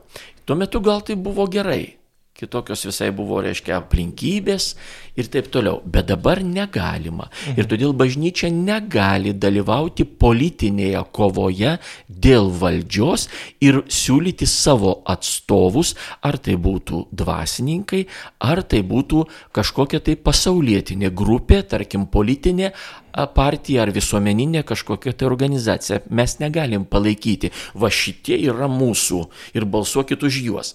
Maksimum, ką gali pasakyti dvasininkas bažnyčioje žmonėms, tikintiesiems. Ten prieš rinkimus mhm. ar rinkimų dieną pasakyti taip, nepamirškit, brangieji, savo pilietinės pareigos išreikšti savo valią rinkimuose šiandien ar ten kada bus balsavimas. Tai lygiai tokia pat ir, ir katalikų pozicija realiai. Taip, tai va šito, šita prasme mes nesikišam į politiką, reiškia ne kovojam dėl politinės valdžios ir nepalaikom jokių jėgų. Taip. Visa kita, vėl va čia toliau mes diskutuoti turim, kadangi viskas yra politika. Valdžioj mes nedalyvaujam, kovoj nedalyvaujam, bet išsakyti savo nuomonę įvairiom mūsų gyvenimo, vėl dabar aš verčiu politiką, mhm. ar ne, mūsų visuomeninio gyvenimo įvairiose srityse klausimais mes dažnai, kur tai liečia moralę, privalom. Ir todėl va čia yra tas toks nes, nesutapimas. Ir mes galėtume kalbėti, kunigai mūsų, ir apie karą, krikščionišką poziciją išreikšti ir apie kitus dalykus. Čia net privaloma atrodo. Tai žinoma, tai todėl lygiai taip pat, kai mes e, kalbam ir apie abortus, ir mhm. apie švietimą, ir taip toliau, ir taip toliau. Nu taigi visur čia yra politika. Taip, taip, taip. Tai va čia yra toks nesutapimas ir truputį nesuvokimas, kur čia yra ta riba, kur krikščionis gali, kur jisai negali, o kur privalo. Tai vat, ir todėl vat, ir, ir, ir, ir tie tokie pasisakymai vieši, kad mes šią politikoje dalyvaujam ir taip toliau, ar nedalyvaujam ir todėl nekalbam. Bet tai, na, ne, ne tokia yra bažnyčios pozicija. Na gerai, tas buvo draudimas ir, ir vieni laikėsi, kiti nesilaikė ir kaip toliau, ar ne, juk būtent jūsų tas asmeninė kelionė, tie etapai link galų gale to pasirašymo, kad aš na, noriu išeiti iš aktyvos kunigystės. Kas jūs toliau, ar ne, privertė tokį žingsnį rinktis? Kokie įvykiai, kokie galbūt pokalbiai? Jeigu būtų tik tai balandžio 14 dienos, vat, tas žingsnis, kada atleido mane nuo tų mano administracinių pareigybių, tai viskas taip ir liktų. Bet kada kitą dieną atleido kunigus Vitalijų Dauparą ir Gintarą Sungailą, va čia aš sakau, aš juos palaikau, čia, čia taip nu, neturėtų būti. Mhm. Ir tada dar vienas mūsų brolis ir, ir, ir kolega mm, kuningas Vladimiras Seliavko įteikė irgi atsistatydinimo raštą tą pačią 15 Taip. dieną. Patenkinta buvo tai e, vėliau kartu su manimi, mhm. balan, gegužės atsiprašau, 10. Taip, šią savaitę. Įteikta buvo balandžio 15. Aš neįteikiau. Pirma, nu, dar gal viskas susiklosti, čiagi, nu, viskas gerai, nu, atleidu iš pareigų, aš to nesureikšminau. Ir jūs tai atleido ir iš Marijos radio laidų vedimo. Taip, aš į tai atkreipiau dėmesį. Kas tam buvo, ką jums sakė? Vėl, kada, kada buvo įteikti dekretai, man jau, uh mhm. -huh. kad aš atleistas ten trys dekretai iš tų visų trijų savo pareigų, reiškia iš kanclerio, e, Vilniaus miesto dekano ir mhm. katedros klebono. Taip.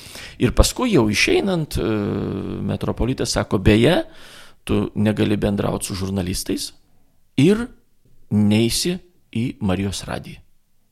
Supratai? Sakau, supratau. Su žurnalistais bendrauti arba nebendrauti, aš irgi tai priėmiau kaip tasą tos mūsų pozicijos, kuri buvo iki man atleidžiu, tik aš galėjau bendrauti mhm. ir aš galėjau kalbėti, o visiems kitiems nebuvo leista. Nu, tai suprantama, aš dabar ne kancleris, Taip. todėl mhm. tą temą aš nekalbėsiu mhm. ir, ir toliau kalbės kancleris naujas, viskupas Ambrosijus. Čia irgi man jokių problemų e, nesukėlė, bet va tas e, e, draudimas Marijos radijoje e, vesti laidas, kurios visiškai nesusijusios su mano pareigom, ir jos pradėtos buvo dar keli metai, berots iki man tampant kancleriu, mhm. reiškia iki 14 metų. Ir aišku, tai buvo, nu, man visiškai nesuprantama. Paskui aš jau susijau, kad reikėjo mane kažkaip tai atskirti, kad aš niekur nekalbėčiau, mažą ką aš pradėsiu ten, ten aiškinti dar savo pozicijas, atleidimą ten kažkaip tai traktuoti vienai par kitaip. Ir turėjo būti Ambrosijus vietoj jūsų naujasis vedėjas. E, nu, jisai e, norėjo, norėjo, arba jį, jį norėjo skirti, kad jisai jau mm. eitų tenai. Bet Marijos radija sako ne. Nu, nu, aš nežinau jau dabar, aš mhm. tiesiog paskambinau, uh, apie save kalbėjau, mm. kad aš dabar jau nebesu nebesu deleguojamas, kaip aš taip e, suformulavau, taip. Mhm. nes taip ir yra. E, mhm. Aš nebesu deleguojamas į Marijos radiją, todėl turėkite omeny, kad mano laidų, aš tiksliau į, į tas ortodoksų bažnyčios laidas, taip jos vadinasi, neateisiu. Neteisiu. Ir toliau viskas, toliau jau man, nu, ne, kaip pasakius, ne, jau, ne tai, kad nesvarbu, bet aš jau nieko daugiau negaliu padaryti. Mhm. Ne, aš nežinau, e, buvo koks pokalbis su viskupam Vrosiu, ten jam buvo pasakyta neit, ar, ar gal jisai yra jis, aš, aš nežinau, nes aš daugiau į Marijos radiją, tiesą sakant, ir neskambinau. Mano žiniomis tai tiesiog e, nes, nesutinka Marijos radijas, kad Ambrosijus vestų o, šitas laidas ir, kaip suprantu, iš solidarumo su jumis, su kitais nu, kunigais. Nu, gal, bet, bet, čia jau, bet čia jau Marijos radijos sprendimas. Taip, taip, taip. Nei, nei aš galėjau kažką ten padaryti, nei, mhm. nei, nei ką. Bet, bet vat, man, man neleista buvo, aš jau nebebuvau deleguojamas. Supratau, bet man taip. va šitai sukėlė tokį, tokį galbūt, na, pirmą klausimą, kodėl. Ir paskui, aišku, dar čia susijęsiu dar vieną dalyką, mhm. kada, kada jau uh, aš įteikiau tą atsistatydinimo raštą, čia buvo balandžio 27 Tai dabar kažkoks dar po to sekmadienis buvo, mes e, atėjom su, su kunigu Vladimiru į parapiją savo dar mhm. ir mums buvo pasakyta, kad šiandien jūs mišių neaukokit, kol jūsų klausimas bus išspręstas, tai jūs jau tiesiog atstovėkit, melskitės, mhm. o jeigu norit komuniją priimti, prašom, e, niekas nedraudžia, kaip kunigai, presbiterijoje, prie altoriaus, bet e, ne reiškia, ne, nedalyvauti pamaldose, mm. ne, neaukot, ne, nesidėti, nesivilkti liturginių drabužių. Aš tada sakau, tai gal aš tada nueisiu iš pažinčių paklausysiu. Nesako, irgi nereikia. Mhm. Aš pats, nu, viskupas pats nuėjo. Ten aišku buvo sakyta, kad aš noriu su, su parapiečiai susipažinti, nu, čia jau kaip bebūtų, bet e, aš irgi tai susijęjau, vat, kaip ir Marijos radiją, E, ir va šitą susijau, kad kadangi jau tai viešumon išėjo tie kaltinimai mhm. ir tie parašų dabar jau rinkimai prieš mus ir taip toliau, ir aišku, parapiečiai turi klausimų ir gali manęs paklausti, tai kaipgi, tai jūs kas, schizmatikas arba kas ten vyksta, mhm. kai kas piktai paklaus, o kai kas galbūt palaikydamas, tai kaip čia yra, paaiškinkit. Ir galbūt jisai dar abejojantis ir aš galiu kažkaip tai savo uh, atsakymais uh, jo pasirinkimą įtakot. Tai aš manau, kad tai irgi buvo e, draudžiama man klausyti iš pažinčių, kad aš mažiau bendraučiau su parapiečiais pamaldų metu. Aš taip manau. Tai vad mes ir laukiam, e, kol bus spręstas mūsų klausimas ir nuo tos dienos, va iki šiandien dienos, aišku, neaukojom mišių, nors dar nebuvom suspenduoti. Tiesiog buvo paprašyta nedalyvauti. Tai vad ir su tam Marijos radijumi, kad kažkaip tai mane nuo viešumos atitraukti, nuo mikrofono, taip sakysim, mhm. kad mažiau kas e, girdėtų ir mažiau kam aš galėčiau paaiškinti. Bet paskui man buvo pasakyta, kad jau galiu eiti Kas pasakė? Metropolitas. Mhm.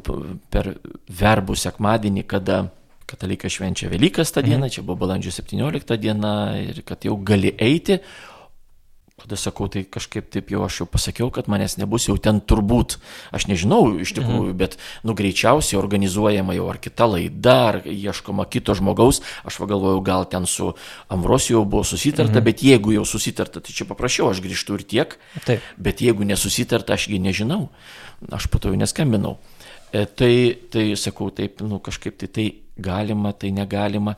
Tai jisai sako, tada jis ir pasakė, kad sako, man pranešė, man pasakė, kad tavo reitingai Marijos radijoje nukrito tiek, kad jau aš nutariau tavęs nebeleisti tenai. Nu, toks paaiškinimas kažkaip, nežinau, manęs, aš dabar taip negražiai pasakysiu, manęs netenkino. Nes, nu, tikrai čia, čia radijo ar palimo, aš manau, kad radijas gal taip ir buvo, aš nežinau, aš niekada nesidomiu mhm. savo reitingais, bet manau, kad jeigu uh, laida būtų neklausoma arba tiek uh, nereikalinga, skandalinga ir taip toliau, kad jau žmonės piktintų ir tikrai tie reitingai nukristų tiek, tai Marijos radijas, aš manau, tikrai nesidrovėdamas imtų taip. ir pasakytų, uh, kad, nu, gal arba tobulinkite savo laidą, darykite ją kažkokią geresnę, arba jau tada mes turėsime atsisveikinti. Ir tai būtų, nu, iš tikrųjų, nu, normalu, kiekvienas priima taip, kaip yra. Bet, Bet žinant, man tai Marijos, nebuvo pasakyta. Žinant Marijos radiją, kad ten viskas remiasi savanorių pagrindu ir ten taip. džiaugiasi žmonės, kad ateina žmonės vesti laidų, taip, taip. tai man sunkiai įsivaizduojama, kad net ir Marijos radijas sakytų vediems, kad žiūrėkit, jūs čia, mes jūs norim išmesti, nes reitingai maži, čia sunkiai taip, suvokiama. Taip, kita vertus, kita vertus um, dar tai yra tokia, na, ekumeninė dar laida. Čia buvo gražus uh, katalikų ir ortodoksų bendradarbiavimo mhm. toks uh, ženklas, sakysim, tai projektas, ar kaip čia uh, net galima būtų pavadinti, tikrai gražus ir patvirtinantis, kaip mes čia gražiai sugyvenam, uh, vat tarpusavį broliškai ir ne tik, kad taip šypsomės ir ten mhm. paspaudžiam ranką, bet tikrai turim labai nemažai tokių bendrų reikalų, svarbių. Ir, ir žmonės tai matė. Nu, bet kaip ten bebūtų, reiškia, vad dėl, dėl reitingo. Nu, aišku, suprantama, kad aš, e, nu, kaip, kaip ten dabar grįšiu, aš net jau nebeskambinau į Marijos mhm. radiją, galvoju, arba ten, vat, nežinojau, kad, kad vat, kitaip, bet galvoju, ten nu, viskupas Ambrosijus jau bus, mhm. arba gal tą laidą ir panaikins. Aš jau, man nepatogu net buvo skambinti, taip, taip, taip. tiesą sakant, po, po to. Arba aš taip įsivaizduoju, kaip scenarių, kad skambina Ambrosijus į Marijos radiją. Sveiki, aš čia norėčiau dabar perimti Vitalijos Motskaus e, vedimo ir tada pasako, žinau, kad jūsų reitingai maži ir sorry, bet ne. Nu, čia tokia tokia fantazija, aišku. Nu, nu gal, gal, bet, mhm. bet vat, aišku, čia, čia fantazija. Gerai, bet grįžkim tada į tą balandžio 14, kai sužinot, kad jūs, mhm. o beje, tai buvo netikėtas, netikėta žinia, kad jūs atleis iš kanclerio ir visų kitų pareigų. Taip, tai buvo visiškai netikėta, nes tarkim išvakarėse mes šventėm metropolitui nukentėjus vardinės. Mhm ir kanceliarijoje, kad tu te bendravom, ten kavą gėrėm ir, ir, tokie, ir, ir pajokaujam, ir ten net buvo kažkaip taip dar tartasi, ką ten veiksim rytoj, na kažkokia tokia, vat, mhm, rytoj ten, mhm. vat, į ką akcent tokia, nu, pas mus nebūna tokių penkių minučių, kai, kai sako, ten planuočiau kažkokiu tai, bet kartais tai, va, nu, va, rytoj ten reikės tą Taip. padaryti, ar, mhm. tai va, gal ten pirmadienį, ten, va, nuvažiuosim ten, ten, viskas gerai, lik ir, ir taip išsiskyrėm darbo dienos pabaigoj, mhm. be jokių ten kažkokių tai ten, nu, sakysim, e, aš, aš net nu, negalėjau tikėtis. O rytą vėl tas pats, rytą susitikęs, nu, pradėjau darbą, aš paprastai labai anksti atvažiuoju. Mhm. Mes dirbam nuo pusės dešimtos, aš jau būna ir pusė aštuonių, ir aštuntą, ir, ir anksčiau būna mhm. ir pusė septynių darbe. Tiesiog aš mėgstu, kad mes neturim tokių kabinetų, kad po vieną ten dirbtume, o būna mūsų du arba keli. Ir tada vis tiek kažkokie darbai reikalauja tokios tylos, ramybės, susikaupimo, tai aš mėgstu ateiti anksčiau ir kažką tai padaryti, o paskui tokie eiliniai tokie kasdieniai darbai, kur galima ten jau ir, ir, ir šnekantis, bendraujant kažką nuveikti. Tai vat, ir irgi lik niekur nieko, o paskui vat, tiesiog pasikvietė į kabinetą ir, ir, ir va, taip įteikė, įteikė tuos, tuos dekretus. Nu, kita vertus vėl, čia, čia sakau, aš nesureikšminu tų dalykų, nes jeigu nebūtų e, draudimo Marijos radijoje vesti laidas mhm. ir čia jau toliau sekantis etapas, ten su, po mano palaikymo tų atleistų kunigų jau sekančią dieną, tai aš į tai net netkreipčiau dėmesio. O kas Nes paskirtas toliau? į tas pareigas. Mhm aš buvau e, beveik taip pat, kadangi e, kanclerių mane paskyrė, tai pasikvietęs iš anksto ir mes jau kalbėjomės, aš, mhm. aš nenorėjau sutikti, bet, nu, reikia kažkam tai ką ir aš sutikau tada. Ir, ir jau aš sužinojau, tai galbūt prieš dvi savaitės atis, neatsimenu, bet vienu žodžiu, net neišvakarėse iš anksto. O kada mane skyrė dekanų ir, ir klebonų katedros, mhm. tai buvo praktiškai lygiai taip pat. Pasikvietė ir įteikė dekretus ir, ir, ir va, ir, ir, ir tiek. Tai todėl aš sakau, aš irgi, nu, manęs nenustebintų šitas atleidimas, jeigu būtų tik atleidimas. Bet kada paskui prasidėjo tolesni žingsniai, toliau buvo rutuliuojama, tai ir eskaluojama, kad vat, ir tie du mano broliai kunigai atleisti paskui dar mes apšaukti schizmatikais, paskui dar pradėti rinkti parašai visoje Lietuvoje. Mhm. Paskui, o kada dar organizuotas buvo tas, ta, ta procesija per kankinių šventę, nu, mm. nukelta iš trečiadienio į šeštadienį, kad daugiau žmonių galėtų, Taip. čia viskas irgi mm. suprantama, tuo labiau čia yra metinės. Ji tradicinė ta procesija. Ne, jinai ne, ne, niekada nebūna jos, jinai pirmą kartą, bet... Pirmą kartą surengta. Pirmą kartą, bet čia nutarta iš tikrųjų vėl, jeigu tai, nu, tik bažnytinė šventė būtų, tai viskas gerai. Mhm. Tai jinai, ta procesija netkreiptų dėmesio nieko, o iš tikrųjų būtų labai gražus uh, kankinių jubiliejaus paminėjimas. Mhm. Bet ta procesija buvo, reiškia, į katedrą, kur buvo organizuota malda už bažnyčios vienybę prieš bažnyčios skaldytojus ir tose intencijose, kur, tarkim, katalikų bažnyčių irgi yra per mišes, per ypatingas šventes, e, ir pasauliečiai ateina, ar kartais diakonas ar mhm. kunigas paskelbė tas intencijas, tarkim, e, melskime viešpatį ten už mūsų popiežių, melskime Taip. viešpatį už mūsų, tarkim, per kovo 11, už mūsų Lietuvą, Taip, ypatingos visuomenę, mhm. per policijos dieną už policiją, ten mhm. va, tos intencijos tokios yra įvardyjamos. Taip, taip, taip. O pas mus yra jos tokios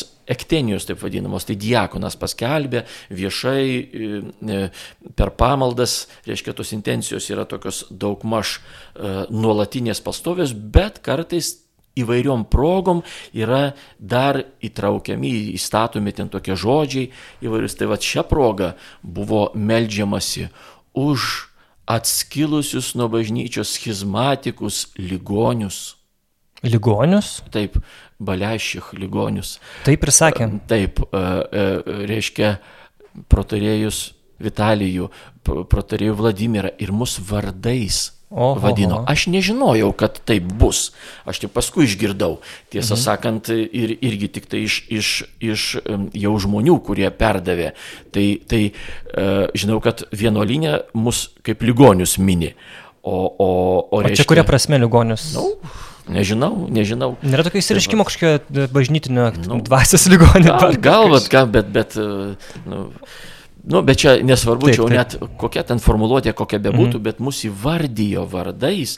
Ir, bet aš nežinojau to, kad bus įvardyjama. Mm. Čia pirmą kartą, va čia per tas taip. E, pamaldas e, šventinės, kur iš visos Lietuvos suvažiavę žmonės buvo ten buvo sakyta, kad tūkstančiai žmonių iš tikrųjų, kada pasižiūrėjom, ašgi ten irgi buvau šalia, tai buvo nuo 2 iki 300. Mhm. Aš jau maksimum sakau iki 300, nes ten net iš viršaus tos nuotraukos buvo, ten galima laisvai suskaičiuoti. Ir nu, keitėsi pranešimuose. Pirmam pranešime buvo, kad 3000, o kitam po kelių dienų, kad 1000. Tūkstantis ar virš tūkstančio. Taip, taip, kažkaip tai buvo tūkstantis su, su trupučiu. Va, bet iš tikrųjų ten 300 maksimum buvo. Mhm.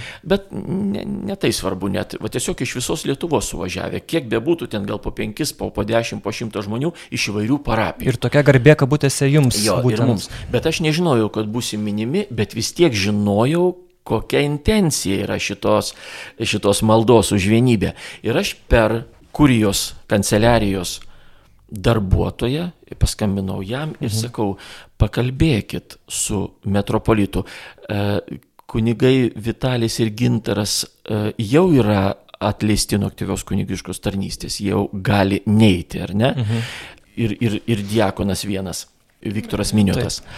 O mes su Vladimiru kunigu, nu, nesam atleisti ir mes ten privalom dalyvauti. Mhm. Čia yra nu, visos viskupijos ta tarnystės diena, kada susirenkam visi bendrai, tokių dienų būna kelios per mhm, metus. Mhm. Bet sakau, pasakykit viskupui, na, tegu jisai taip žmogiškai pažiūri į šitą situaciją ir tegu supranta ją, kad čia yra, nu, prieš mus nukreipta. Ir kaip mes dabar dalyvausim ten. Pirma, kunigams kažkaip čia su mumis stovėti, visiems kitiems parapiečiai mušnairuos. Tuo metu, kai... Ir mums, kaip jaustis mums. Ir mums buvo pasakyta, taip, tegu neina, tegu neteina. Mhm. Reiškia, viskupas suprato tą situaciją dėkingas jam esu už tai, nu, tikrai, nes būtų labai... Buvo labai, leidimas nu, neteiti tiesiog. Taip, jau. taip, leidimas mhm. neteiti. O e, vienam, e, o tam dar kitam e, Klaipėdos kunigui, Georgiu Ananievui, buvo paskambinta, ar pasakyti, ar paskambinti, važiuojam konkrečiai jam. Ambrosius sakė, kad tu netvažiuok.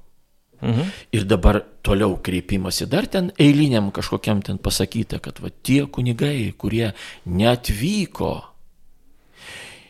į šitą šventę ir tuo save prieš pastatė bažnyčiai, akivaizdžiai prieš pastatė bažnyčiai, tegu atgailauja, ten mes laukime atgailos ir taip toliau.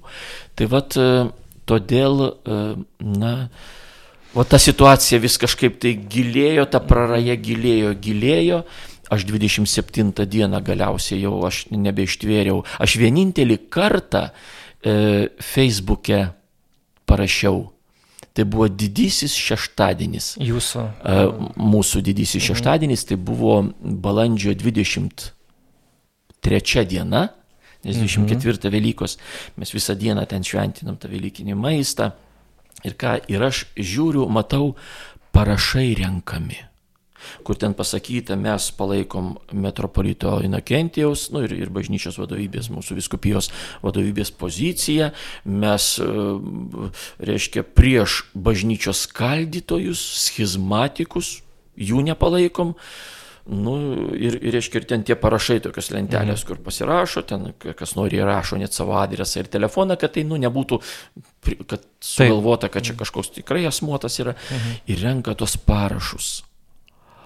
Ir aš tada neištvėriau.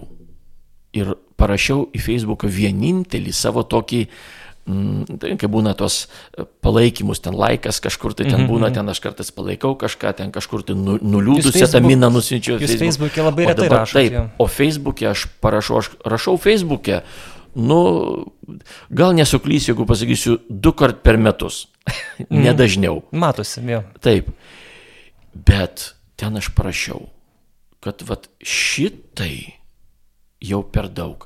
Ir aš ten, aš dabar neatsiminsiu visko, ten buvo toks, nu, kelios eilutės. Taip, taip, taip. Bet aš prašiau, kad man sunku pakesti ir ištverti tai, ką matau, o ką aš matau, tai yra bakhanalija. Aš taip net jau bariausi, kai savo čia. Mhm, mhm. Man tai yra jau keiksmažodis. Man tai yra keiksmažodis.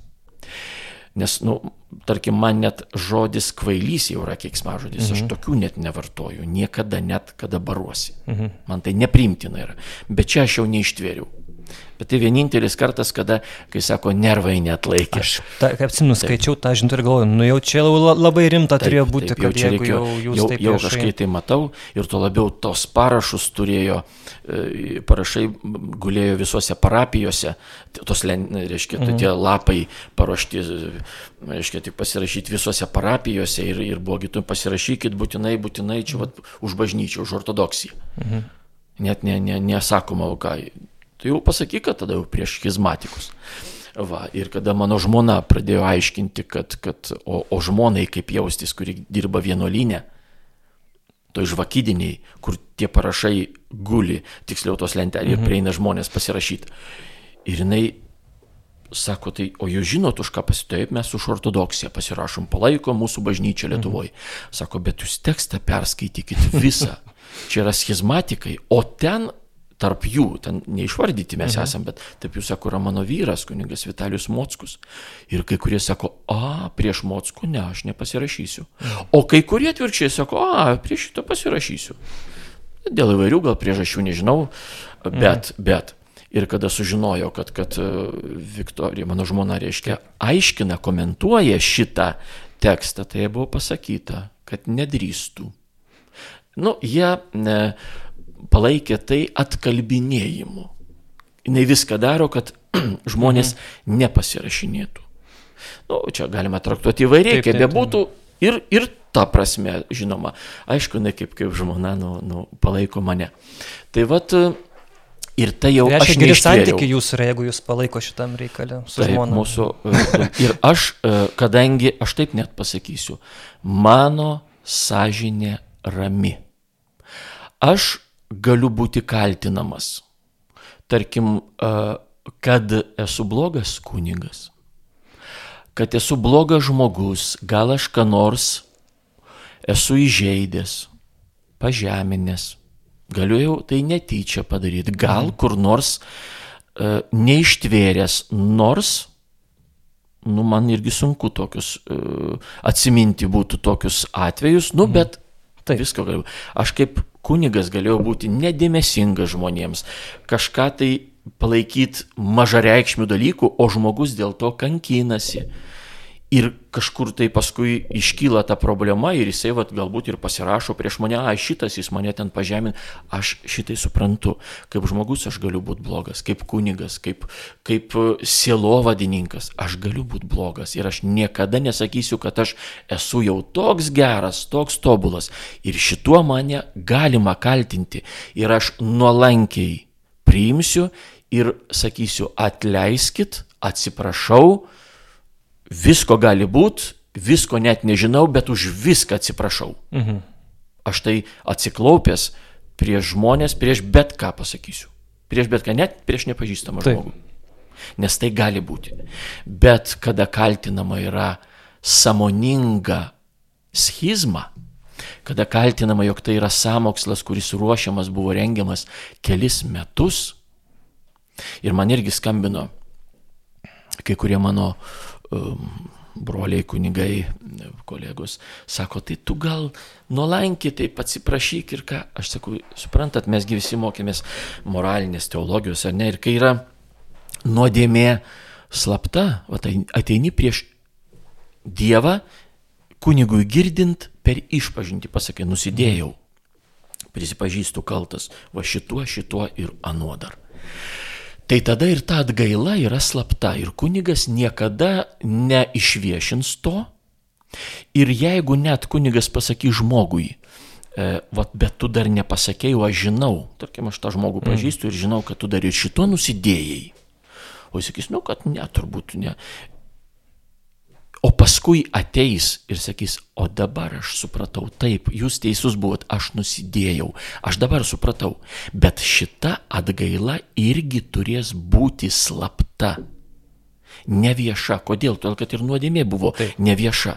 Tai yra būtina sąlyga. Negalima viešinti to, kas buvo slapta, tarkim, kažkokia tai ten melagystė ir taip toliau, ką jis galbūt ten, nu, dar nesuprato, kad nuodėmė, bet aš žinojau, ar ne? Bet jeigu buvo nuodėmė vieša, arba jau išėjo į viešumą kaip ir kaltinimas mums, va šitą schizmą, Tai yra jau viešas dalykas. Ir tada aš viešai turiu atsiprašyti. Bet tai reiškia, aš sutinku su tuo, kad galima bažnyčioje apkaltinti, apšmeišti, mm, e,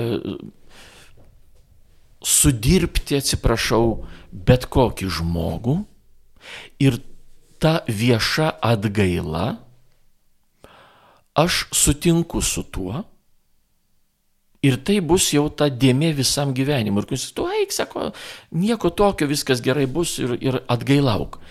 Bet bažnyčios skaldimas, schizma, tai yra iš tikrųjų sunki nuodėmė. Aš tai irgi tai suprantu. Mm.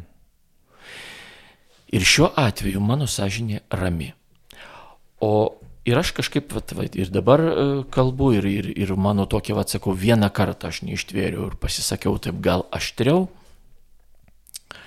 E, kažkur tai aš e, savo nuomonę išreiškiau ten vat, per, per žinias ten tose trumpuose pasisakymuose žurnalistams, gal aš irgi kažkur va taip kaip ir čia kalbėjau, bet aš tengiausi ramiai kalbėti.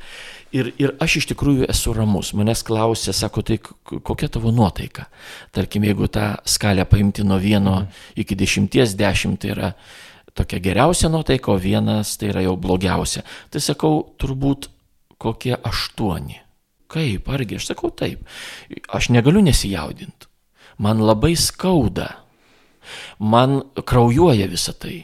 Ir aš, kada metropolitų sakiau ir apie, apie gintarą ir, ir Vitalį, sakau, tai, tai jiems ir jie gyvi žmonės yra. Ir jiems skauda.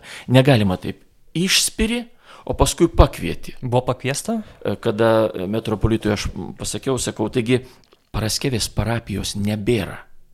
Tiksliau, jį yra, bet yra dabar ne šitoje šventovėje. Mhm. Jie nebeteis solidariai palaikydami savo kleboną, savo kunigą. Nu ir gintaras tuo metu ten jau e, nepaskirtas, bet tarnavo, ten jis galėjo neminėti patriarcho. Taip, taip, taip. Ir jie, nei choro nebus, nieko nebus. Kaip nebus? Gal metropolitas galvojo, kad, na, nu, kunigai išeis, o bendruomeniai va, atsiūs kitą kunigą, dabargi klebonų irgi ten Ambrosijos mm. paskirtas vyskupas, ekscelencija. Ir, ir, ir va, toliau ten bendruomenė melsis ir su laiku susitaikys. Bet pasirodo, ne, bendruomenės nebėra ten. Tada paskambink jiems, tegu tarnauja, kaip buvo. Ir aš sakau, bet jie gyvi žmonės, jiems irgi skauda gal iš ambicijų kažkokiu, tai gal ką, bet jie žmonės. Ir negalima taip išspiri, o paskui vėl pakvieti ir jie ateina lik niekur nieko, jie žmonės gyvi. Tai vat, vat tas dalykas vat taip ir piktina. Ir mano žmona irgi pergyvena gal tris ar penkis kartus labiau negu aš. Mhm. Ir man labai tikrai jos gaila, bet situacija yra tokia, kokia yra ir nieko nepadarysi. Ir dabar, vat vėl ta praraja jau tokia, kad jau e, atgal grįžt kažkur tai ir nėra kur. Nėra kur. Nes viskas buvo padaryta, viskas buvo padaryta, kad mūsų nebūtų ten. Kad mūsų vardas, mūsų vardai būtų baisiausia, kas yra Lietuvoje iš vis atrodo labai nelogiška vien iš tokios pusės, mm, nežinau, komunikacinės, organizacinės išspirti, nu, ar tiesiog, va, ar ne, atleisti ir dar grasinti tiem žmonėm, kurie buvo tikras bažnyčios veidas, balsas ortodoksų, kurie populiarino galų gale ir tikrai, na, šviesus išsilavinę žmonės, nesakau, kad kiti kunigai neįsilavinę, bet tiesiog tikrai, na, ryškus asmenys ir uh, Vėlgi, bandant suprasti tą detektyvą, kodėl, ar ne, kodėl taip nutiko, kaip Gintaras Sungailas spėjo dar pirmomis to skandalo dienomis, kad galbūt buvo, e, nežinau, skambutis iš Maskvos, tiesioginis Inokentijui ir sakėm, ką jūs čia darot, na ir tada keli kunigai, tame tarp ir jūs tiesiog, na, paukoti dėl kažkokios tokios, nežinau, ramybės, saugumo ar, ar dar kažko. Kaip jums tokia versija, ką jūs... Galbūt ir mes galim tik spėlioti, kadangi na, negirdėjom apie tai. Aišku, Maskvoje yra dabar įsteigta tokia, toks specialus skyrius, kuris kūruoja e, viskupijų esančių artimojo užsienio šalyse. Nu, tai čia tos šalis, kurios dabar yra nepriklausomos, bet kadaise buvo Sovietų sąjungoje. Mhm. Tai čia yra artimasis užsienis, o toliau jau yra tolimasis užsienis. Ta, e, tas tikrasis užsienis. Toks imperinis toks. Toks žinoma, žinoma. Tai vad galbūt e, kažkiek įtakojo ir vat, tas, e, ta, tas skyrius toksai, kur ten paskirtas jo vadovas, bet dar iki šiol nėra ir aš kažkada tai irgi kažkuriam iš žurnalistų sakiau, kada klausiau, ką tai reiškia. Aš sakau, mes patys nežinom, ką tai reiškia, nes iš tikrųjų yra įsteigtas skyrius, yra paskirtas vadovas, bet kitam sinodo posėdžiui, kurio dar iki šiol taip ir nebuvo, e, yra pavesta tam vadovui e, parengti e, veiklos reglamentą ir, ir planą artimiausiems metams. Aišku, nu, metų bėgi, vienerių metų bėgi. Tai mes net patys nežinom, kas ten bus ir ką jie darys. Bet galbūt, vat vienas iš tokių jau pirmų sakysim taip, jau savaime akivaizdžiai aiškių e, užduočių, pavedimų ir yra va, ta, ta tokia va, galbūt informacija e, rinkti, kas čia vyksta Lietuvoje ir paskui kažkaip tai mhm. komunikuojant, perduoti kažkokius tai veiksmus. Gal buvo tas skambutis, gal kaip kitaip. Nežinia, čia tik tai spėlionės, bet iš tikrųjų labai taip staigiai viskas pasikeitė. Ir galiausiai net ir kalbant su, su metropolitu, jau po atleidimo tris kartus buvau pakviestas Tris pokalbiui. kartus. Tris mhm. kartus. Bent pasakytų, tu žinai, tarkim, po mano atleidimo, mhm. sekmadienį, 17 dieną, e, tu žinai, tu nusidėjai tuo, tu schizmatikas esi. Ar tu žinai, kad va, tave aš kaltinu šituo? Mhm. Nieko nebuvo pasakyta. Kaip tu jauties, Vat, e, ai, po to paskambino, kad galiu, galiu vėl į Marijos radiją grįžti, nes mhm. reitingai, nu, bet jau tiek to grįžk mhm. ir taip toliau. Tai apie ir... schizmą tikis žinoti iš tokių oficialių pranešimų. Taip, mes sekmadienį kalbėjome. O gyvai nesakė šito. Taip. Okay. Nebuvo jokio kaltinimo va šitaip į akis, kada mes dirbam aštuonis metus kartu ir, ir jau, nu, pažįsta mane žino, kad aš nuramus esu žmogus ir galima man viską sakyti. Ir pasišnekėjom sekmadienį, o pirmadienį va šitas e, kreipimasis apie tai, kad peiliu durys į nugarą. Antradienį vėl pasikviečia. Kaip jautiesi? Ir vėl nieko, apie šitą temą nieko. Nieko. Kad ar tu matai, kuo tave kaltina? Mhm. Ašgi mačiau. O jūs klausėt, kodėl jūs mus taip vadinat ir panašiai? Uh, ne, aš, aš sakiau uh, tik taip, kaip tu jautiesi, aš sakau, žinot, man baisu pasidarė būti čia. Kas bus toliau? Nu, su Dievu, nu, eik, eik su Dievu. Aš dar klausiau, uh, atleidus mane, sakau, pasakykit, kuo esu kaltinamas. Kad ateityje kitose aplinkybėse, kur aš bebūčiau, mhm. tarkim, parapijoje, dar kitur, nebūtinai kurijoje, kanceliarijoje, ar ne, mhm. parapijoje, kad aš tų klaidų išvengčiau. Ne, ne, eik su Dievu, viskas, eik, eik su Dievu, su Dievu. Oho. Nieko nebuvo aiškinta. Tris kartus buvom susitikę po mano atleidimo, bent jau sakytų, tu schizmatikas esi. Vienintelis dalykas, ko aš buvau prašomas kiekvieną kartą, buvo sakyta, tik e, nedaryk radikalių žingsnių. Nu, aš suprantu kokių, nes aš palaikiau e, Vitalį ir Gintarą mm. kunigus.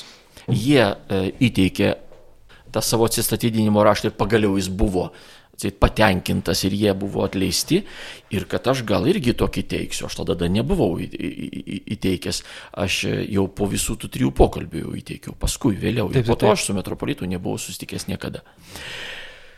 Ir tik radikalių žingsnių, kad nebūtų. Tik tu pagalvok, tik tu pakentiek. Ir aš net nesupratau, kame reikalas. Aš maniau, kad aš tik tai ne, nepaduočiau, neįteikčiau šito prašymo. O pasirodo, va, tai čia vad dėl tų schizmatinių mano kažkokių tai ten ketinimų ir taip toliau. Tai sakau, aš su tuo kategoriškai nesutinku. Kažkokia mano žodžiai, kalbos arba pasakymai, frazės apie Konstantinopolio patriarchatą kažkada tai per visus turbūt mano e, kunigavimo metus, va tuos 26, mhm. šįmet 7 bus, tai buvo nu tai mes kalbėjom bendrom temom. Kažkur aš sakiau, kad Konstantinopolis gerai daro, teisus yra. Kai kur sakiau, kad ne. O kad kažkokiu tai ten temų būtų apie perėjimą ir ką, nebuvo tokių. O kalbėjom, mes visi kalbėjom, daug ką kalbėjom. Ir, ir kanceliarijų tame tarpe, tarp darbuotojų, kurių irgi pavardžių nesakysiu dabar, tam, kad, nu, nebūčiau mhm. toks galbūt kaip jie. Mes irgi kalbėjom tarpusavį, bet tai čia draugiškai buvo.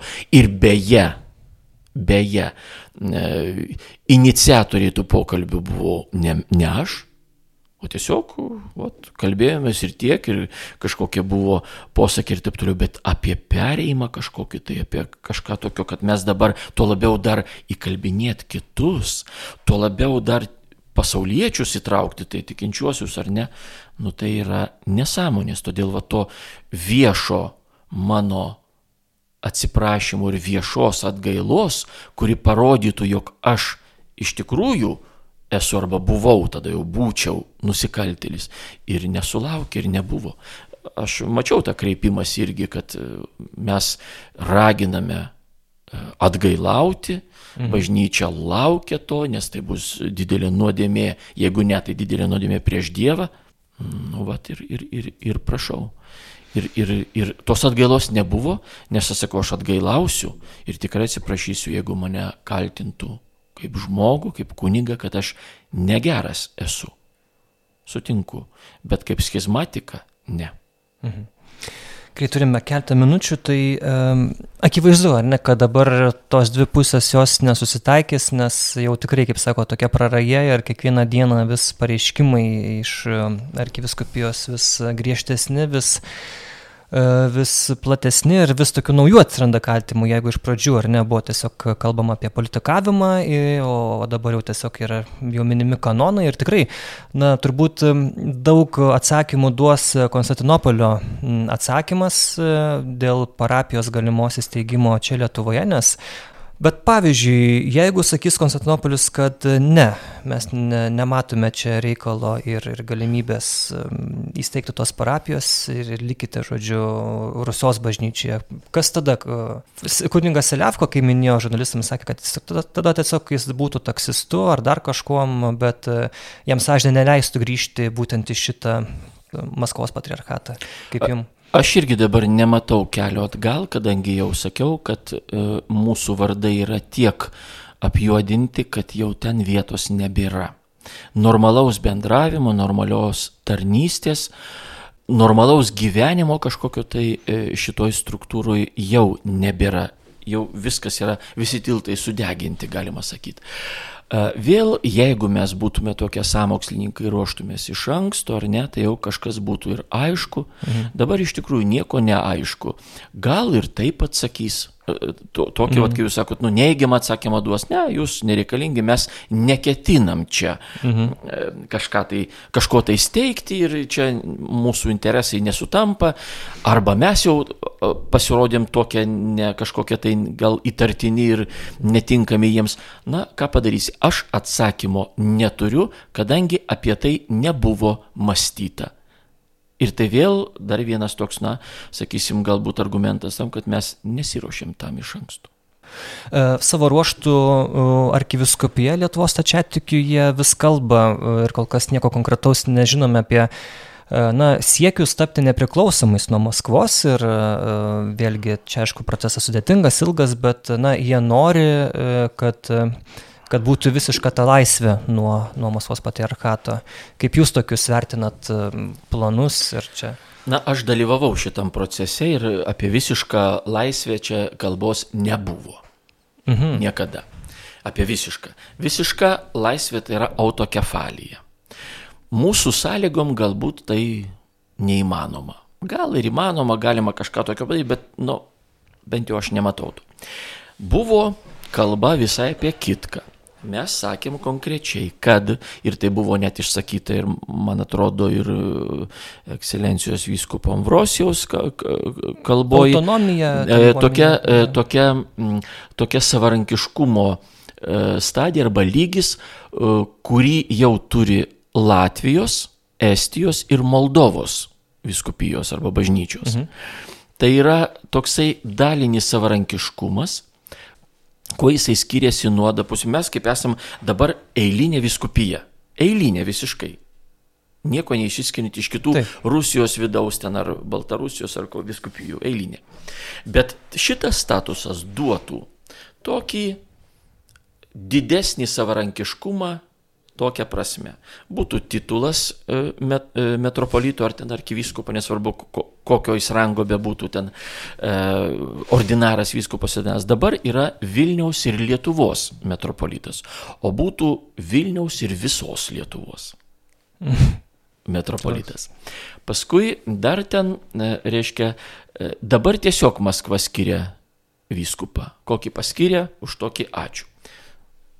Du šitie paskutiniai viskupai, nu, trečias dar nepasireiškia, bet, reiškia, kaip ordinaras, mm. bet du paskutiniai viskupai, už kuriuos, nu, vis dėlto Vis dėlto, kaip be būtų dabar tas konfliktas ar ką, kaip be pavadintume, bet sakysiu taip, už juos nebuvo gėda. Per visą tą laiką, iki, iki va šito mhm. konflikto, ar ne? Tikrai ir Chrizostomas, ir Inokentijus, duok Dievę visiems turėtų tokius viskupus. Ir dabar aš tai sakau. Mhm. Duok Dieve visiems turėti tokius vyskupus. Bet kada jau tas va, būtų savarankiškumas tas dalinis, tada patriarchas skiria tris kandidatus, iš kurių mes galėtume rinktis. Vat ir tiek. Na, o, o patriarcho vardas vis tiek būtų minimas. Tai yra Maskvos patriarchato uh, dalinio savarankiškumo viskupija arba metropolija mhm. su, su ten dviem ar trim viskupijom, nu Lietuvoje galbūt dviem. Tai jūs buvo to darbo grupė, kuri bandė nu, tuo keliu eiti? Čia ne darbo grupė, čia buvo mūsų kanceliarijos kurijos tiesiog vat, mhm. ta, ta, darbuotojų, vat, metropolitas, a, a, a, viskupas Ambrosijus, aš ir tas, tas a, raštas, a, tas prašymas jau yra perduotas, jau nusiųstas. Mhm. Nu, kol kas atsakymo jokio nėra, bet ten, vad kaip ir sakė viskupas e, Ambrosius, kad tai yra e, ilgas periodas, nu, jis ilgesnis ar trumpesnis, čia vėl nežinom ką, bet e, jeigu jau taip dabar aš pagyriau du vyskupus ar ne, kuriuos sakau, negėda daug dievė mhm. visiems tokius vyskupus turėti. Bet dabar vis dėlto pasakysiu taip, kad tas dalinis savarankiškumas jisai yra tik tai toks fasadinis. Titulas kitoks, solidesnis. Nu ir pasirinkimas vyskupo iš trijų kažkokį vieną patiem duoda pasirinkti. Ir tiek.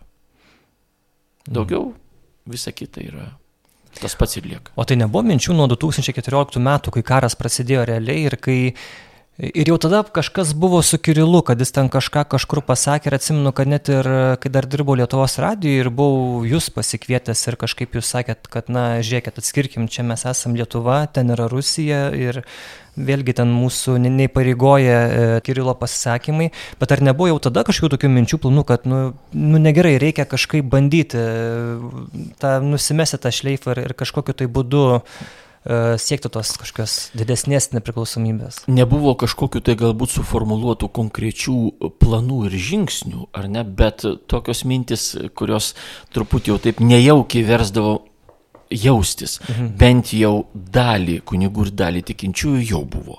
Apie tai kalbėjo ir mūsų parapiečiai, kad kažkaip nejauku, kai va šitokia situacija yra va, ir, ir nu, tikrai jau, jautėmės na, nepatogiai prieš kitus žmonės prieš visuomenę. Bet tokių konkrečių kažkokių žingsnių e, tuo metu nebuvo. Kažkaip galvojom, gal visą tai kažkaip nupraeis, maža ką būna sunkesnių laikotarpių, būna e, lengvesnių mūsų ten gyvenime bažnytinėme. Kita vertus, vėl e, kalbant apie Lietuvą, mes esame, aišku, kitoj šaly ir tikrai e, dalis kažkokiu tai, na tarkim, instrukcijų, kurias gauna viskupijos ten Rusijoje, nu iki mūsų nedaina, jie irgi supranta kartais ir jau tikrai mm. nesiunčia. Ten siūsdavo kartais, tai kaip, kiek, kaip jūs ten uh, švenčiant ten gegužės 9. Nu, kaip mes čia švenčiam. Taip ir švenčiam, čia nėra išeiginė, čia darbo diena eilinė, mhm. pamaldose melžiamas yra. Reiškia, padėkos malda už pergalę ir, ir žuvusiuosius ten karius ir, ir, ir kitus žmonės, kurie, kurie savo gyvybę atidavė už, už tėvynę. Nu ir tiek, vat. Nu ir jie suprato, kad čia kokia čia pas mus šventė, kaip mes čia negalim kažką tokio, nu ir jau nebevargina mus tokiais, tokiais e, reiškia, laiškais, tokiom instrukcijom e, arba prašymais duoti ataskaitą kažkokią. Tai ir dar mhm. vienas, tarkim, atvejis buvo, kur irgi suprato, kad, reiškia, a, kokia situacija yra su kazokų e, judėjimu čia. Na, žinot, Rusijoje dabar ten ir kitur labai, labai paplyti yra tie kazokai. E, tokia reiškia, jie su antpečiais dabar vaikšto, ten tokia, toks, ir yra net sinodo skyrius, kuris globoja tos kazokus, mm. šitokia istorinė, kaip būna, va, tarkim, ten pas mus yra ten kokie nors ten viduramžių ryterių mylėtojų, ten klubas mm. koks nors ir ką, tai čia irgi va, kažkas tokio. Tai mes irgi atsakėm taip, kad e, pas mus nėra tokio reiškinio, e, Lietuvoje kazokų ir nebuvo, o kai jie čia buvo atsiusti, tai jų reputacija čia buvo blogiausia, nes jie buvo naudojami kaip policininkai e, drausminantis ir baudžiantis e, žmonės, kurie nesutinka ten su carinės Rusijos imperijos e, politika. Vat kažkas tai buvo suformuoluota. Ir jie irgi suprato, daugiau mūsų nebevargino raginimais įkurti čia kokį tai judėjimą kazokų ir taip toliau.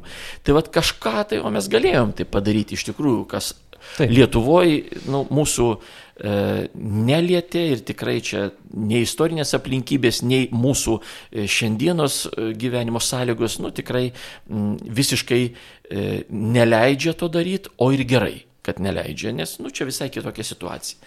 Nu tai va, bet kita vertus vėl čia yra toliau eilinė viskupija, kur vis dėlto tas žvalgymasis į Rusiją, o kaip ten pasakys, o, o kaip ten pasakys, vėl tas pats mūsų neįpareigoja patriarcho tie pasisakymai. Ir aš taipgi sakiau, ar ne, taip, taip, taip. ir tai oficiali mūsų pozicija, bet kita vertus daugybė žmonių, vad kaip tik ir laikosi šito. Taigi pats patriarchas pasakė.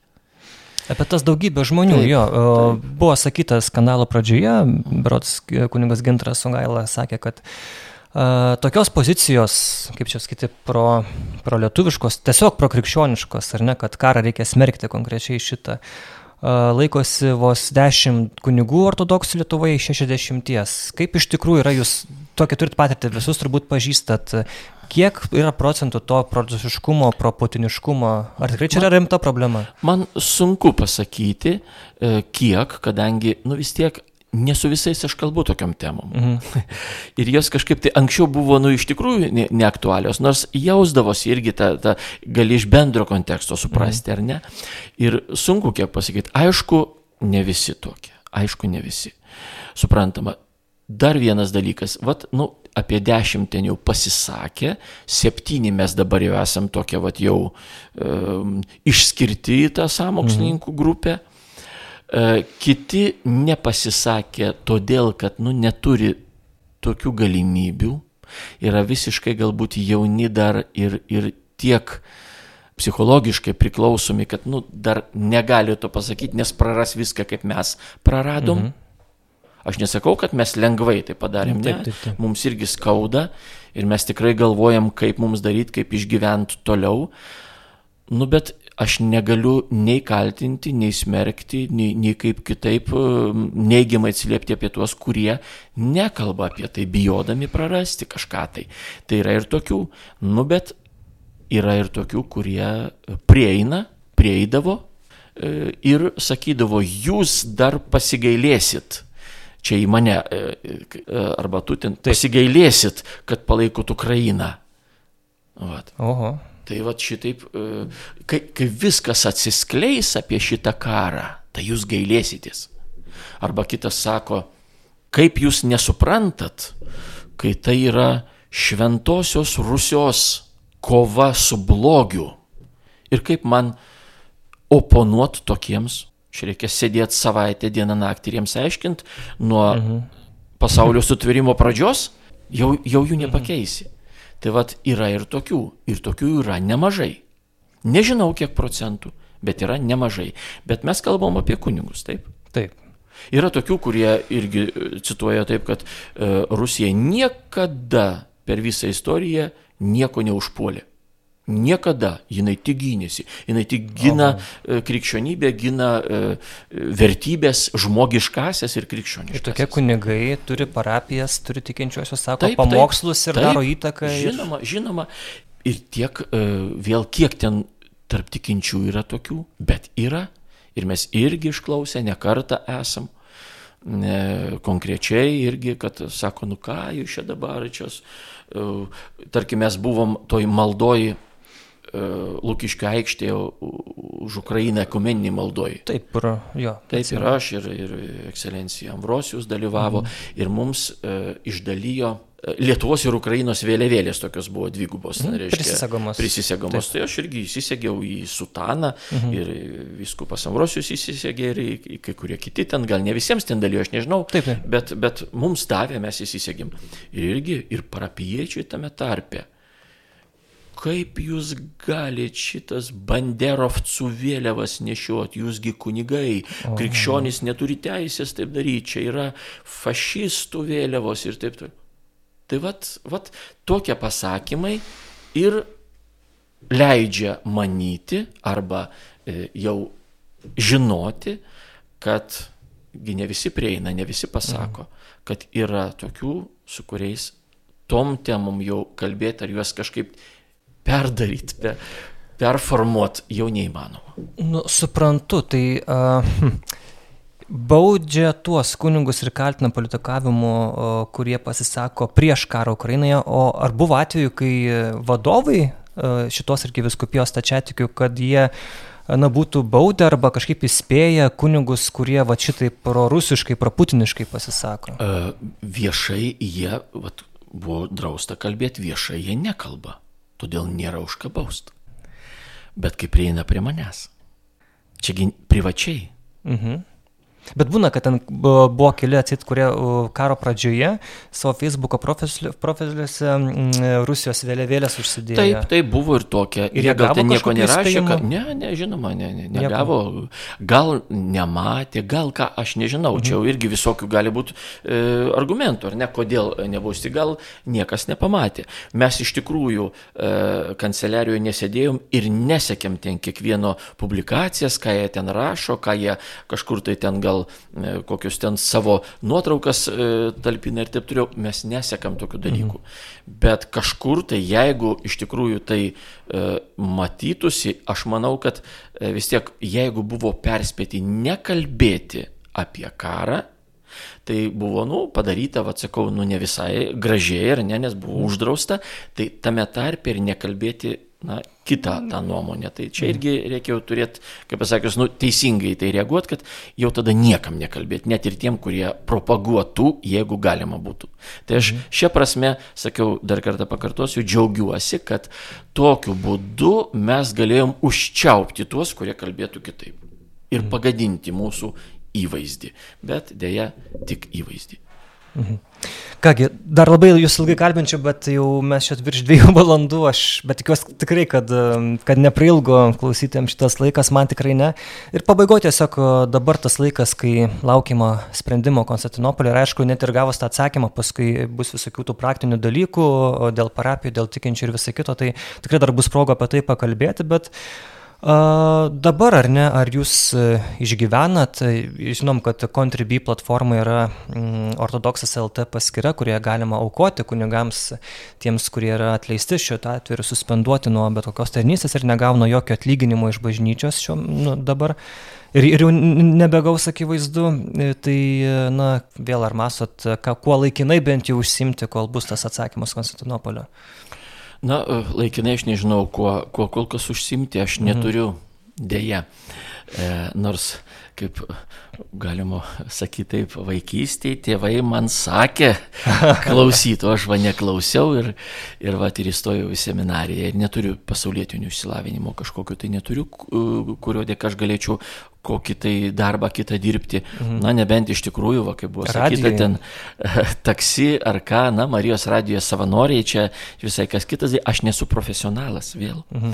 Ašgi, nu, radijoje dirbti reikia, nu, išmanyti tą reikalą. praktika daug duoda Nu, išmanymą. Praktika gal taip ir man patinka, ką, bet tai čia yra, e, vienu žodžiu, aš nežinau, kuo užsimti. Mhm. Kol kas, e, ačiū Dievui, e, tikrai e, mane atleidžiant iš pareigų, kadangi aš dirbau e, oficialiai, reiškia, pagal sutartį, darbo sutartį, per sodrą mokėjau mokesčius, tai mane atleidžiant ir, irgi buvo išmokėtas ten tų kelių mėnesių e, vidutinis, yra kaip ten atlyginimas, reiškia. Ai, taip, taip. E, ir, ir kuris man leidžia va dabar, nu kiek dar čia va, mėno praėjo, man ties atleidžiant iš klebono pareigų katedrių irgi buvo atsidėkota, išmokėta. Tai va aš, nu, porai, keliem mėnesiam turiu pragyvenimui lėšų, man vienintelis tik tai dalykas jaudina, kad yra, yra kreditas paimtas. Mhm. Ir, ir vat, kaip ten bus e, dabar, nu, bet reikia tikėtis, melžiuosi, dar nebuvo taip, kad nu, Dievas visai paliktų ir, ir... O gal iš tikrųjų ir reikės praeiti ir tokią pamoką, išmokti gyvenimo pamoką, kada, kada vat, reiks galbūt ir kažko tai, kažko tai netekti ir taip toliau. Aš nežinau, aš ti- tiesiog e, manau, aš toks optimistas esu. Ir manau, kad e, tikrai Dievas nepaliks. Daugybė aplinkui yra gerų žmonių, kurių ne vienas ir ne du skambino ir sakė, tik nesigėdykit, tik pasakykit ir mes visada busim šalia, tame tarpe ir finansiškai paremsim. Tai todėl ir va tos aukos, kurios ten aukojamos, esam dėkingi tiem žmonėms, kurie tokiu būdu kažkaip įsipareigojo, va taip pagelbėti mums, aukoja iš savęs, e, gal atplėždami irgi, ne, ne, ne tokie mesgi turtingi esam e, Lietuvoje ar ne, bet žmonės vis tiek atiduoda, aukoja, tai atlygina Dievas tiem žmonėm dešimt kartų ar ten šimteriopai. Va, bet, bet aš manau, tos problemos finansinės ir tos būtinės tokios, kurios atsiranda, yra nedidžiausios problemos, kurias reikia spręsti dabar, kadangi dabar problema yra kaip išlikti mums krikščionimis, išlikti e, dorais kunigais ir e, krikščioniškai gyventi. O jeigu tokie mes būsim, tai Dievas tikrai nepa- nepaliks. Aš žinau, tai jau sakyta man ne vienas mano mokytojas, toks patyrė tokie kunigai, sakydavo, kad tikrai ne vienas kunigas badu nemirė, bent jau Lietuvoje. Vat ir viskas. O, o visa kita yra jau sprendžiami dalykai. Todėl su malda, dėkodami už viską Dievui, už viską, net ir šita pamoka, skaudi labai pamoka.